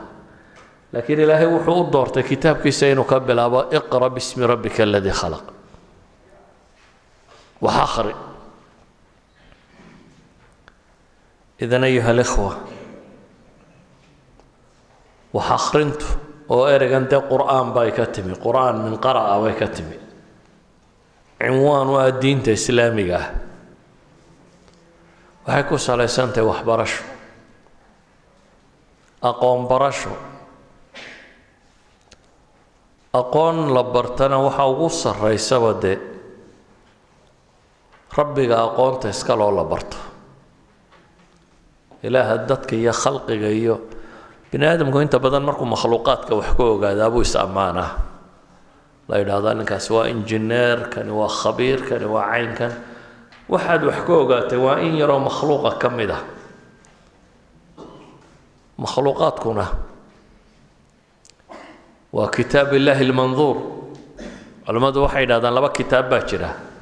Mid qoran oo hadal ah oo ilaahay soo dejiyey iyo mid camal oo farsamo oo ilaahay sameeyo farsamadiisiiya ka farsamada ilaahay waxa weeyaan dunidan aynu arkayno o waxaad qaanuun lagu dhigo dhan qaanuun baa fysigisa iyo mid baa chemistryya iyo mid baa biology iyo mid baa kana. Qaanuunka la sheegaya waxa weeyaan sidii alla wax u abuurun baynu isku dayna inaynu wax ka baranno. Sidii wax alla wax alla u abuuray. Qofkan bini sidii ilaahay u abuuray ayaynu isku daynaa inaynu wax ka ogaano idan waxaynu ogaanay wax yar oo xikmadda iyo cilmiga ilaahay uu kownkan ku dhigaya. Qofkii intaa yar ka ogaadaa la odhanaya waa tabiib ama waa injineer waa muhandis waa khabiir waa caalim waa kan. Kitaabka labaadna waa mid ilaahay soo dejiyey oo hadalkii siiya oo cilmigii siiya oo ugu talagalay inaynu baranno. Anzalahu bicilmi walidalika ayuha alaxiba waxaad tihiin dad haya ilaahay kitaabkiisii. Kitaabkaasi saddex waxba wuu inooga baahanya inaynu kula dhaqanno. Wuxuu inooga baahanya inaynu kula dhaqanno talaawatan qiraa'a akhrin oo ilaahay baa subxaanaه wa tacaala qur-aanka ku leh utlu ma uxiya ilayka min alkitaab watlu ma uxiya ilayka min kitaabi rabbik waan atluwa alqur'aan nabiga calayhi الsalaaةu wasalaam wixii la faray waumirtu an akuna min almuslimiina waan atluwa alqur'aan akhriyaa la yidhi qur-aankan inaynu akhrino waa layna faray kuwa ilaahay ammaanayna wuxuu ku tilmaamay aladiina aataynaahum اlkitaaba yatluunahu xaqa tilaawati. Kuwaanu kitaabka siinay. Tala laba macno af carabiga ku leedahay. Midi waa tala yatlu wuu akhriyey midna tala ay tabica waa raacay weeyaan. Waalqamari idaa talaaha waynagan idhaahdaa ilaahay subxaana wa tacaala wuxuu ammaanayaa kuwii kitaabka akhriyey ee raacay. Labada macnoba lafdigani wuu koobsanaya. Waratil ilqur'aana tartiila saa daraaddeed qaybayoo de malcaamadii iyo qur'aankii arrinkoodii wuu dhammaaday. Qur'aanka waxaad u qaybaysay waxay ahayd inaad furfurto inuu kuu fududaado saaad u furfuri lahayd. Waa ilaa haddii kale qaybistiisu maxay soo kordhinaysay? Haddii uu noqonayo sidii gabay la qaybay oo kale kuwan gabyaaba intaasoo gabaya intaasoo heesay hayaan. Haddii uun hadal la qaybayo intuu noqdo bes halka aad ku ridayso mu ahayn danta laga lahaa. Waalidkaa dantu qur'aanka kuu qaybsiinay taa may ahayn qur'aankaa la qaybay danta laga lahaa waxay ahayd inaad fahamto inuu fududaado. Oo markaad mawduuc u baahato inaad garan karto aayaadkii ku soo arooro o dhan inaad soo ururiso oo aad isbarbar dhigi karto oo aad aayad kasta siyaaqeedii garan karto maxaa ka horreeyey maxaa ka dambeeyey? Saasay macno ku samaynaysaa aayaddii. Oo qur'aanka o dhan intaad isu keento marka aad furfuri karto fahmi karta loo baahnaa. Idan qofka qur'aanka qaybaa jaranjaradii hadduu cagta saaray maaha wuu dhammeeyey hadduu cagta saaray halkii loo baahnaa. Waayo halka loo baahnaa waxa idin la fahmo. Halka loo baahnaa. Nebi maxamed calayhi salaatu wasalaam iyo saxaabadii qur'aanku wuxuu ku soo degay nebiga saddex iyo labaatan sannadood. Waa loo yaryareeyey. Maxaa loogu yaryareeyey? Inay fahmaan daraaddeed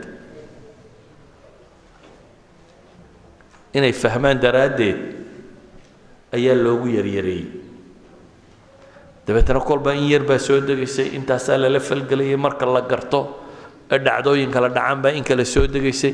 Marka qur'aanka dhammi noloshaa fasiraysay. Innagu isagoo duduuban baynu haysannaa dhammaystiran. Lo intaynu ka siinaa baynu sanad ku qaybaynaa ama ka yar ama in yar marka lagu daro laba sano ninka gaabiyaana qur'aankii oo dhan waan qaybina oo cumar iyo abibakar iyo raggii rag ahaa waxay saddex iyo labaatan sannadood baranayeen. Ma sanad baynu inagu ku gebagabaynay maya maya waxa weeyaan wixii ay ka rabeen waxaan ahayn baynu inagu raadinay inagu waxaynu raadinay alfaadda inaynu ilaalino. Qur'aanka markaad baranaysay waxaa la isku dayayey makhaarijta in laguu saxo oo sifaadka laguu saxo oo sida loogu dhawaaqo laguu saxo oo laguu ilaaliyo. Waxaa ka sii muhiimsan in laguu ilaaliyo macnaha uu sheegayo iyo aayaddu shay sheegayso iyo kelmaddani waxay sheegayso iyo aayaddani waxay ku soo inaad kaa sii fahamtaaba waxay ka muhiimsan tahay. Inaad dhawaqeeda fahamto. Ma aha inaan leeyahay dhawaqu wuu liitaa maya dhawaqa sidii uu nebiga ugu soo degay in loo qabto qur'aanku waa muhiim. Laakiin waxaynu u baahannahay inaynu dib u noqonno. Marka waxaan idin leeyahay haddaa bilowdeen qur'aankii. Mar haddaa qaybteen haddaa bilowdeen. Haddaan kooyaa weeyaan. Haddaad bilowday diinta barashadeedii. Haddaad bilowday sharciga ogaantiisii. Haddaad bilowday mucjisadii nebi maxamed loo soo dhiibay calayhi salaatu wasalaam inaad garato ilaahay wuxuu qur'aanka ku leeyahay.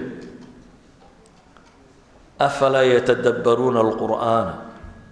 Walow kaana min cindi gayri illahi lawajaduu fiihi ikhtilaafan kaiira afalam yadabbaruu lqowla am jaaahum maa lam yaأti aabaa'ahum اlawaliin am lam yacrifuu rasuulahum fahum lahu munkiruun? Kitaabun anzalnaahu ilayka liyadabbaruu aayaatihi waliyatadakara ulu lalbaab afalaa yatadabbaruuna alqur'aana am calaa quluubin aqfaaluha qur'aanka afartaa aayadood ayaa lafdu tadabbur ku soo arooray in wax loo fiirsado afartaba ilaahay qur'aanka wuxuu ku leeyay miyaydan u fiirsanaynin miyaydan ku tadabburaynin afartan aayadood labana waa maki labana waa madani laba intii maka la joogay? Saad iyo muuminuun labada aayadooda ku jira. Kitaabun anzalnaahu ilayka liyadabbaruu aayaati waliyatadakara ulul albaab. Iyo afalam yadabbaruu lqowla am jaahum maa lam yati aabaahum alawaliin makay ku soo degeen. Labana waa madani. Suuratu muxamed iyo nisaa meehe. Labada ku jiraana waa madani. Yacni waxaa la tilmaamaya qur'aanku haddii maka la joogayna inuu u baahan yahay in loo fiirsado haddii madiina la joogayna in loo fiirsado. Ilaahay wuxuu ku ceebeeyey gaalo munaafiqiin mushrikiin isku wada dar. Qur'aankaanay u fiirsanayn baa la yidhi. Tadabburku kelimaddu afar iyo afartan jeer bay kelimatu dabara qur'aanka ku soo aroortay. Jidriga wixii ku soo arooray. Aslu lkalima macaanideeda waxaa ka mid ah aldahru dhabarka wastabaqa albaaba waqadad qamiisahu min duburin waman yuwallihim yowmaidin duburahu wallaa mudbiran walam yucaqib idan dhabarkaa la ydhahdaa xaggan dambe xaggani waa qubul hore xaggan dambena waa dubur markaasay dabada ku sii caanbaxda in dubur la sii yidhaahdo laakiin tadabburku muxuu yahay markaa? Tadabburku wuxuu yahay bay yidhahdaan culimmadu adigoo isku dayaya waxa soo jeedkiisao qura inaad araga sii jeedkiisana inaad aragto. Haddaad waxa dhan walba ka aragta macnaheedu waa maxay? Ixaataad ku samaysay. Waxaad isku dayda inaad waxaa si fiican u fahamto. Dhan walba waad iska taagtay. Waxa ilaahayna leeyahay markaa laynama odhan qur'aanka miyaanay akhrinin miyaanay eegin miyaanay wax ka fahmin miyaan macnaa badhu dhaadhicin? Waxaa la leeyahay afalam yadabbaruu afalam yatadabbaruu waar miyaanay qur'aanka dhan walba iska taagin baa la leeyahy oo tafakurkooda iyo say u fakerayaan dhan walba qur'aanka miyaanay ka eegin. Ninka qur'aanka dhan walba ka eega ma gaaloobi kara weeyaan. Waayo gaalo ilaahay muxuu ku ceebeeyey afalaa yatadabbaruuna alqur'aana? Waa munaafiqiintii. Am calaa quluubin? Akfaaluha afalaa yatadabbaruun ay ayucraduuna ayucraduuna walaa yatadabbaruuna alqur'aan miyay ka jeesanayaan qur'aanka u fiirsan maayaan am calaa quluubin akfaaluha bal calaa quluubin akfaaluha qalbigaa kuwan xidhan baa ilahay yidhi subxaana wa tacaala kuwii horena waxaa lagu tilmaama oo ilaahay subxaana wa tacaala uu leeyahay markii la sheegay afalaa yatadabbaruuna alqur'aana walow kaana min cindi gayri illaahi lawajaduu fiihi ikhtilaafan kaiira gaalada baa ilaahay yidhi miyaanay qur'aanka u fiirsanoo dhan walba ka eegin. Oo waayo walow kaana min cindi gayri illaahi qur'aankani hadduu ka iman lahaa cid aan alle ahayn. Maxaa dhici lahaa? Lawajaduu fiihi ikhtilaafan kaiira isbaraanbarin isburin godaloolooyin badan baa la heli lahaa. Gary miller wuxuu ku tilmaamayaa waa falsification test waxay yidhaahdaan. Yacni qolyahan cilmi baadhka sameeya marka jaamacadaha iyo meelaha kan la joogo meelaha wax lagu baadho ninbaa baxi sameeyo waxbuu soo ogaadaa. Waxa uu soo ogaaday nadariyad buu keenaa. Uu leeyahy waxaasi caynkaa iyo caynkaa weeyaan intaan mujtamaca cilmigii aqbalin nadariyaddan waa loo soo bandhigaa mujtamaca cilmigaa marka baxigaa loo soo bandhigo waxaa la ysku dayaa in la duro oo la buriyo. Ninkaasi wuxuu sheegayey dhan walba in laga galo oo la muujiyo inay dumi karto. Hadday dumi weydo markaa la waayo wax ra'yiya oo dalooliya ama experimenta ama cilmi baadhiso aragtidaa dalooliye haddii la waayo waxaa la yidhahdaa waa aragti cilmiya oo masaafka cilmigaa bay gaadhaa markaa wax lagu qoraa alkutub alcilmiya qaacida munadama la qaato. Dabeetana waxaa la yidhaha falsification test baa la yidhahdaa waxaa la mariyo. Nafsu shay baa ilaahayna leeyahay mariya qur'aanka bal. Waxaa ilaahayna leeyahay subxaana wa tacaala afalam yatadabbaru lqur'aan qur'aankan miyaanay u fiirsanin walow kaana min cindi gayri illaahi lawajaduu fiihi ikhtilaafan kaiira baa ilahay leeyay ilaahay cid ahayn hadduu ka yimaado oo dee kitaab mawsuuco ah oo aakhiro iyo adduun warramaya oo janno naar ka warramaya oo dhaqaale siyaasad ka warramaya oo taarikh hore iyo taarikh dambe ka warramaya oo sharci ka warramaya qaanuun madani iyo qaanuun jinaa'iya ka warramaya oo kownka iyo ishaaraadkiisa ka warramaya oo wax walba sheegaya waa mawsuuca haddana aan wax isbaraanbarinayo wax la daloolin karaa ku jirin. Waxay sheegaysaa inuu mucjis waxay sheegaysaa min cindi rabbi alcaalamiin inuu ka yimi waxay sheegaysaa inuu nebi maxamed nebi calayhi salaatu wasalaam. Ilahay markaa wuxuuna leeyahy qur'aankan dhan walba ka eego. Oo gaalkaa lagu ceebeeyey inuu dhan walba ka eegi waaye. Munaafaqaa lagu ceebeeyey inuu dhan walba ka eegi waaye. Innagana waxaa laynagu yidhi kitaabun anzalnaahu ilayka. Maxaa ku xiga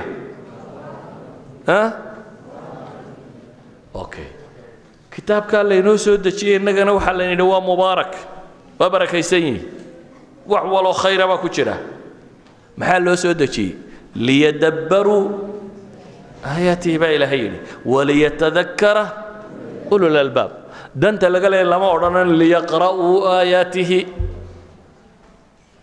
Ee waxaa la yidhi maxay? Liyadabbaruu aayaatihi markaad qur'aanka qaybtay jaranjaradii baad isa soo taagtay qur'aanka looga baahnaa. Halkaasaad jaranjaradii koowaad baad timi.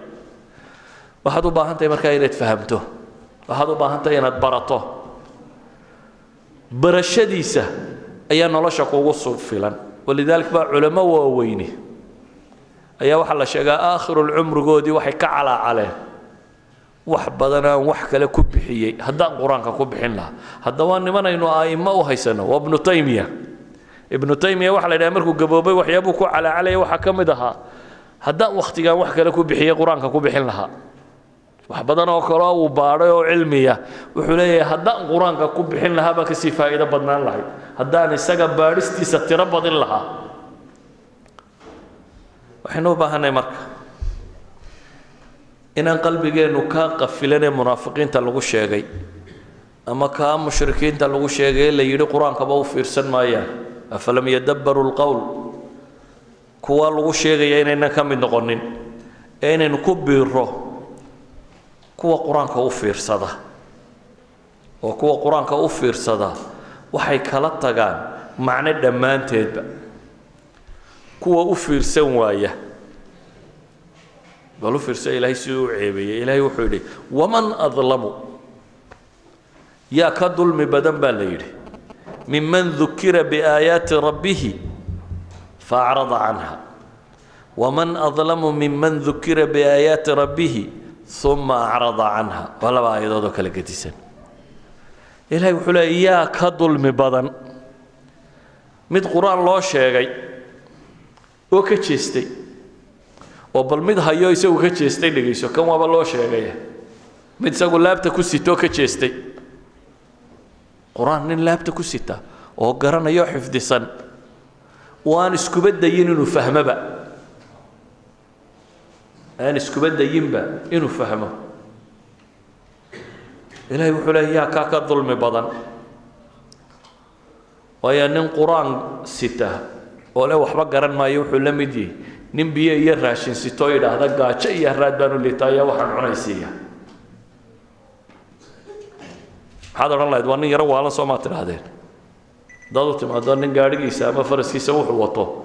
Raashin nooc walba ah iyo biyo iyo sharaab nooc walbay ku raran yihiin oo dadka dawarsanaya haddaad aragto maxaad samayn lahayd?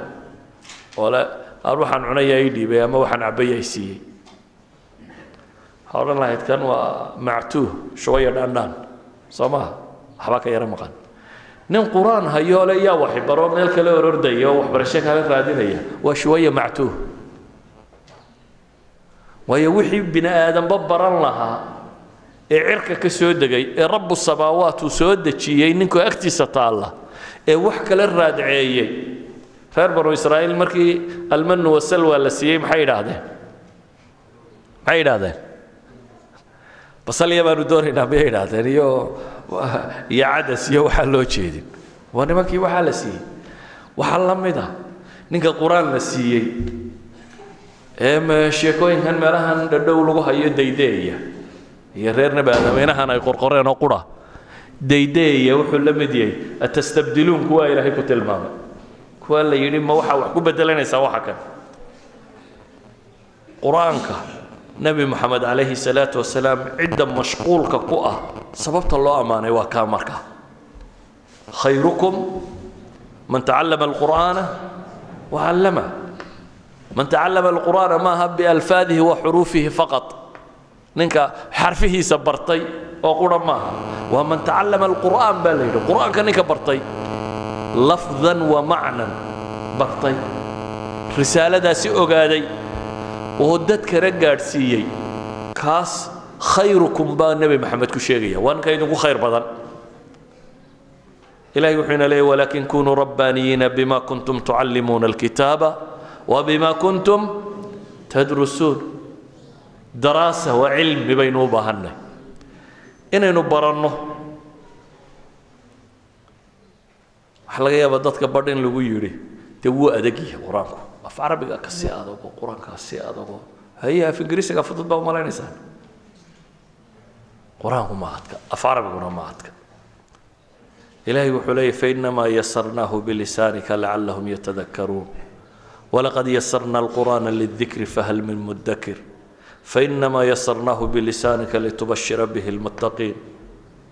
Ilahay wuxuu ku tilmaamayaa kitaab muyasar bitaysiir ilaahi subxaana wa tacaala waa kitaab fudud baa rabbi yidhi intaasoo fanniyo meel qura ku wada qoran oo haddana fudud weeyaan baa ilahay yidhi ile ninka qur'aanka baranaya waa nin qaanuun baranaya oo siyaasad baranaya oo iqtisaad baranaya oo caqiido baranaya oo sharci baranaya oo akhlaaq baranaya oo taariikh baranaya oo aakhiro iyo qiyaamo baranaya oo dikri baranaya oo ilaahay sidaa loo baryo baranaya oo sidaa loo cibaadaysto baranaya oo gaalnimo waxay tahay baranaya waxaasoo cilmiya ninka wada baranaya ee is tidhahda waxaasoo dhan baro hadduu is idhahdo xaggan bini aadamka ka baado doontiihi baa ku dhacaya. Intaaba ma wada ogaan kartid. In yaroo intaa ka mid ay kuu walwalaaqi doonaan. Laakiin haddaad rabto intaba inaad wada ogaato qur'aanku maro.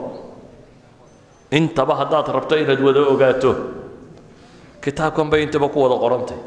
Bal huwa aayaatun bayinaatun fii suduuri aladiina uutuu lcilma baa ilaah yidhi. Waa aayaad cadcad buu qur'aankani ku yahay. Kuwa cilmiga la siiyey laabtooda walaqad ji'naahum bikitaabin fasalnaahu calaa cilmin hudan waraxmatan liqowmin yu'minuun waxaanu la nimi baa ilaahay leeyay bini aadamka kitaab fasalnaahu calaa cilmin aanu kala bixbixinnay oo aqoon lagu kala bixbixiyey baa ilaahay leeyay kitaab aqoon iyo cilmi lagu kala bixbixiyey baan u keennay baa rabbi leeyay subxaana wa tacaala qur'aanka waxaa rabbi ku tilmaamaya inuu yahay nuurka wax lagu ifsado. Laydhkan maxaa lagu falaya? In wax lagu ifsado soo maaha. Shayga aad rabto inaad aragto inaad si waadixa u aragtid. Ayaa toojkan iyo nalkan laynoogu ifiyey. Kamaradaasi inay si waadixa wax u sawiri karto. Haddii nalka la damiyo kamaradaasi sawir aan wada muuqanaynin bay soo saaraysaa. Ilaahay qur'aanka wuxuu leeyay yaa ayuha annaasu qad jaakum burhaanu min rabbikum waanzalnaa ilaykum nuuran mubiinan baa ilaah yidhi nuuran mubiina nuur cad ba alla leeyahy subxaana wa tacaala. Qad jaakum min allahi nuurun wa kitaabun mubiin yahdi bihi allahu man itabaca radwaanahu subula asalaam faaminuu billaahi wa rasuulihi maxaa ku xiga? Wannuuri aladii anzalna ilaahay rumeeya rasuulkiisaba iyo nuurkii aan soo dejiyey baa ilaahay leeyahy the light. Ifkii aan idiin soo dejiyey muxuu ifinayaa alxayaa kulliha. Nolosha dhammaanteed buu ifinayaa haddaad aakhiro doonayso isagaa lagu ifiyaa. Haddaad adduunka doonayso isagaa lagu ifiyaa. Haddaad sharci iyo qaanuun doonayso isagaa lagu ifiyaa. Haddaad siyaasad iyo dhaqaale doonayso isagaa lagu ifiyaa. Waxaad u baahan tahay noloshoo dhan isagaa ifinaya. Waa nuurun yustadaa'u bihi. Waa nuur magdiyada lagaga baxo.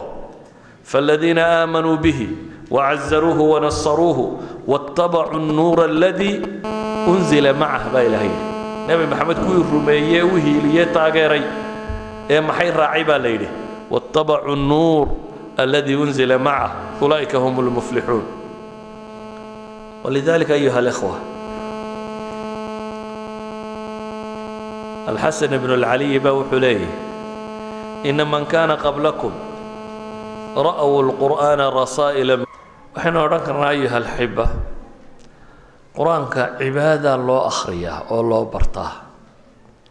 Oo inaga isku waafaqsan. Qofkii xaraf akhriya muxuu leeyahay? Toban xasano. Inaa acayna haddaad akhrido waxay culammadu ku sheegaan labaiyo afartan xaraf meelaha inay tahy afar iyo labaatan afar boqol iyo labaatan ajara baad leedahay. Culammadan xuruufta qur'aanka tiriya qaarkood waxay ku tilmaamaan saddex boqoloo kun inuu ka badan yihi saddex boqoloo kun haddaad akhrido waa imisa? Markaad mar dhammaysaba waa saddex milyan oo ajar ah. Toban marka lagugu dhufto.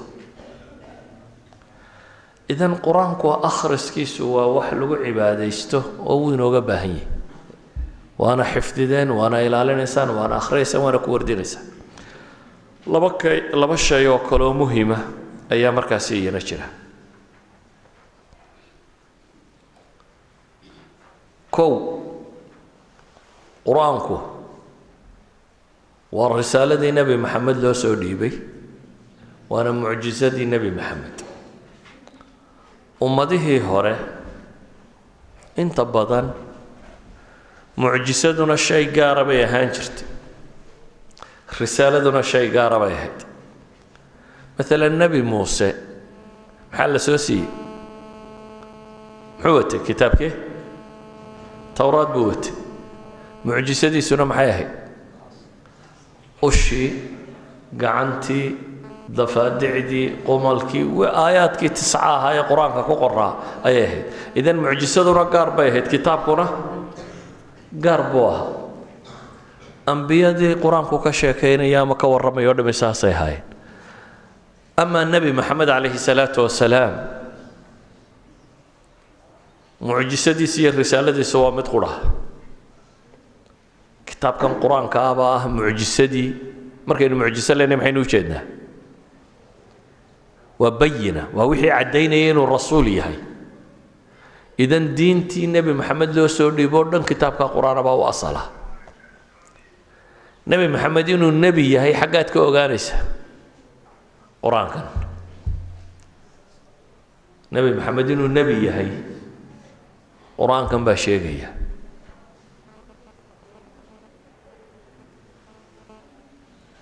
Isla markaa ilaahay wixii inagala hadlayay ee ah nolosheenna oo dhan inuu islaaxiyo. Wixii uu ku qoraana waa qur'aanka kan. Marka qur'aanku labadaas shay buu wadayay mar qura. Marna waa wixii nebi maxamed calayhi salaatu wasalaam nebinimadiisa caddaynayay. Marna waa wixii layna faraya inaynu ku dhaqanno ee sheegayay hadduu labadaa shay wadayay muxuu inooga baahan yahay markaa? Ma inaynu akhrino qura ku wardino. Maya wuxuu u baahan yahay inaynu fahamno oo ku tadaburno oo baranno oo culumta islaamiga ahi wuxuunbaa asal u ah qur'aankaasi inaynu si xooggan u dhuuxno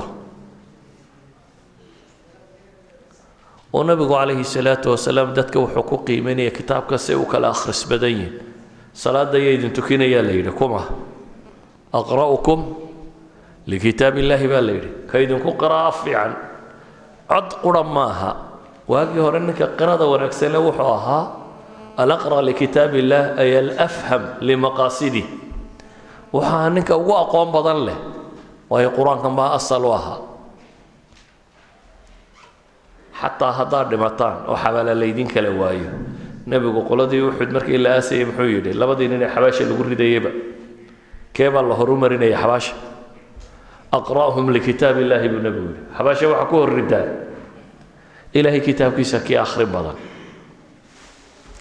Haddaad dhimatana saasaa loo kala maamuus badan yaho saa qur'aanka loo kala haysto ayaa maamuuska loo kala badan yahay. Aakhirana waxaa loo kala mansilo sarraynaya iqra' waratil kamaa kunta turatil iqra wartaqi baa la ydhahaa akhriyo kor jannada. Aayadday kaaga dhammaata halkay joogtaa joogsanaysaa. Idan booska sare aakhiro jannada iyo magac iyo maamuuska lagu kala leeyahy xisaabta la taagan yahayna. Dee waa axaadiista badan inoo sheegaysa inuu qur'aanku isagoo shafeeca imanayo. Idan mansilada qofka mu'minka ahi waxay ku salaysan tahay qur'aanka iyo intuu u jiro qur'aanka iyo siduu u fahmo siduu u akhriyo siduu u weeleeyo siduu u garto. Waxaynu kaloo tilmaamaynaa qur'aanku.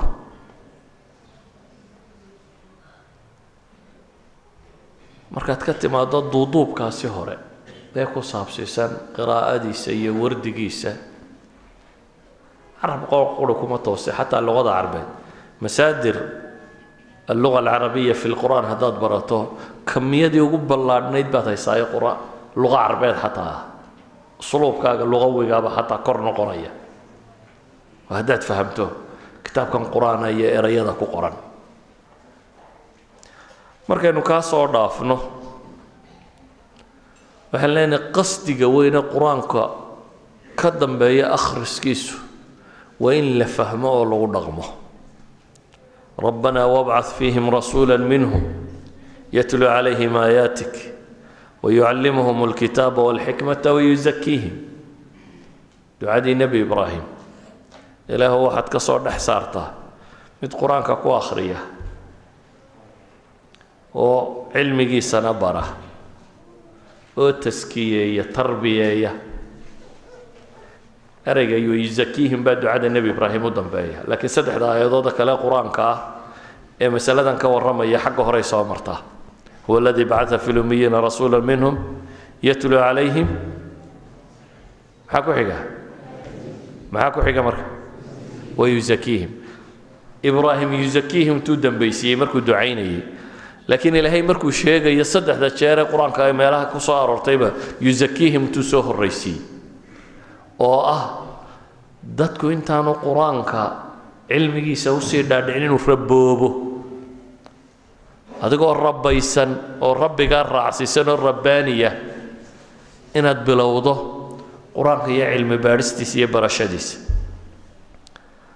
Qur'aan akhrisku dhan maaha markaa u fiirsataan xadiidkii nebigu calayhi salaatu wasalaam muxuu ahaa majtamaca qowmun fii beytin min buyuuti illahi yatluuna kitaab allahi wayatadaarasuunahu baynahum ilaa nazalat calayhim asakiina wغashyathum الraxma waxafathum اlmalaa'ika wadakarahum allahu fi man cindah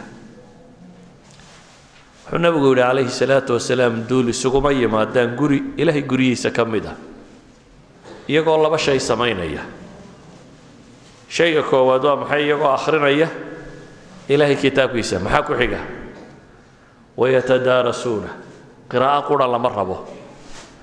Waxaa la rabaa daraasa lilkitaab baranaya ilaahay yidhi subxaana wa tacaala.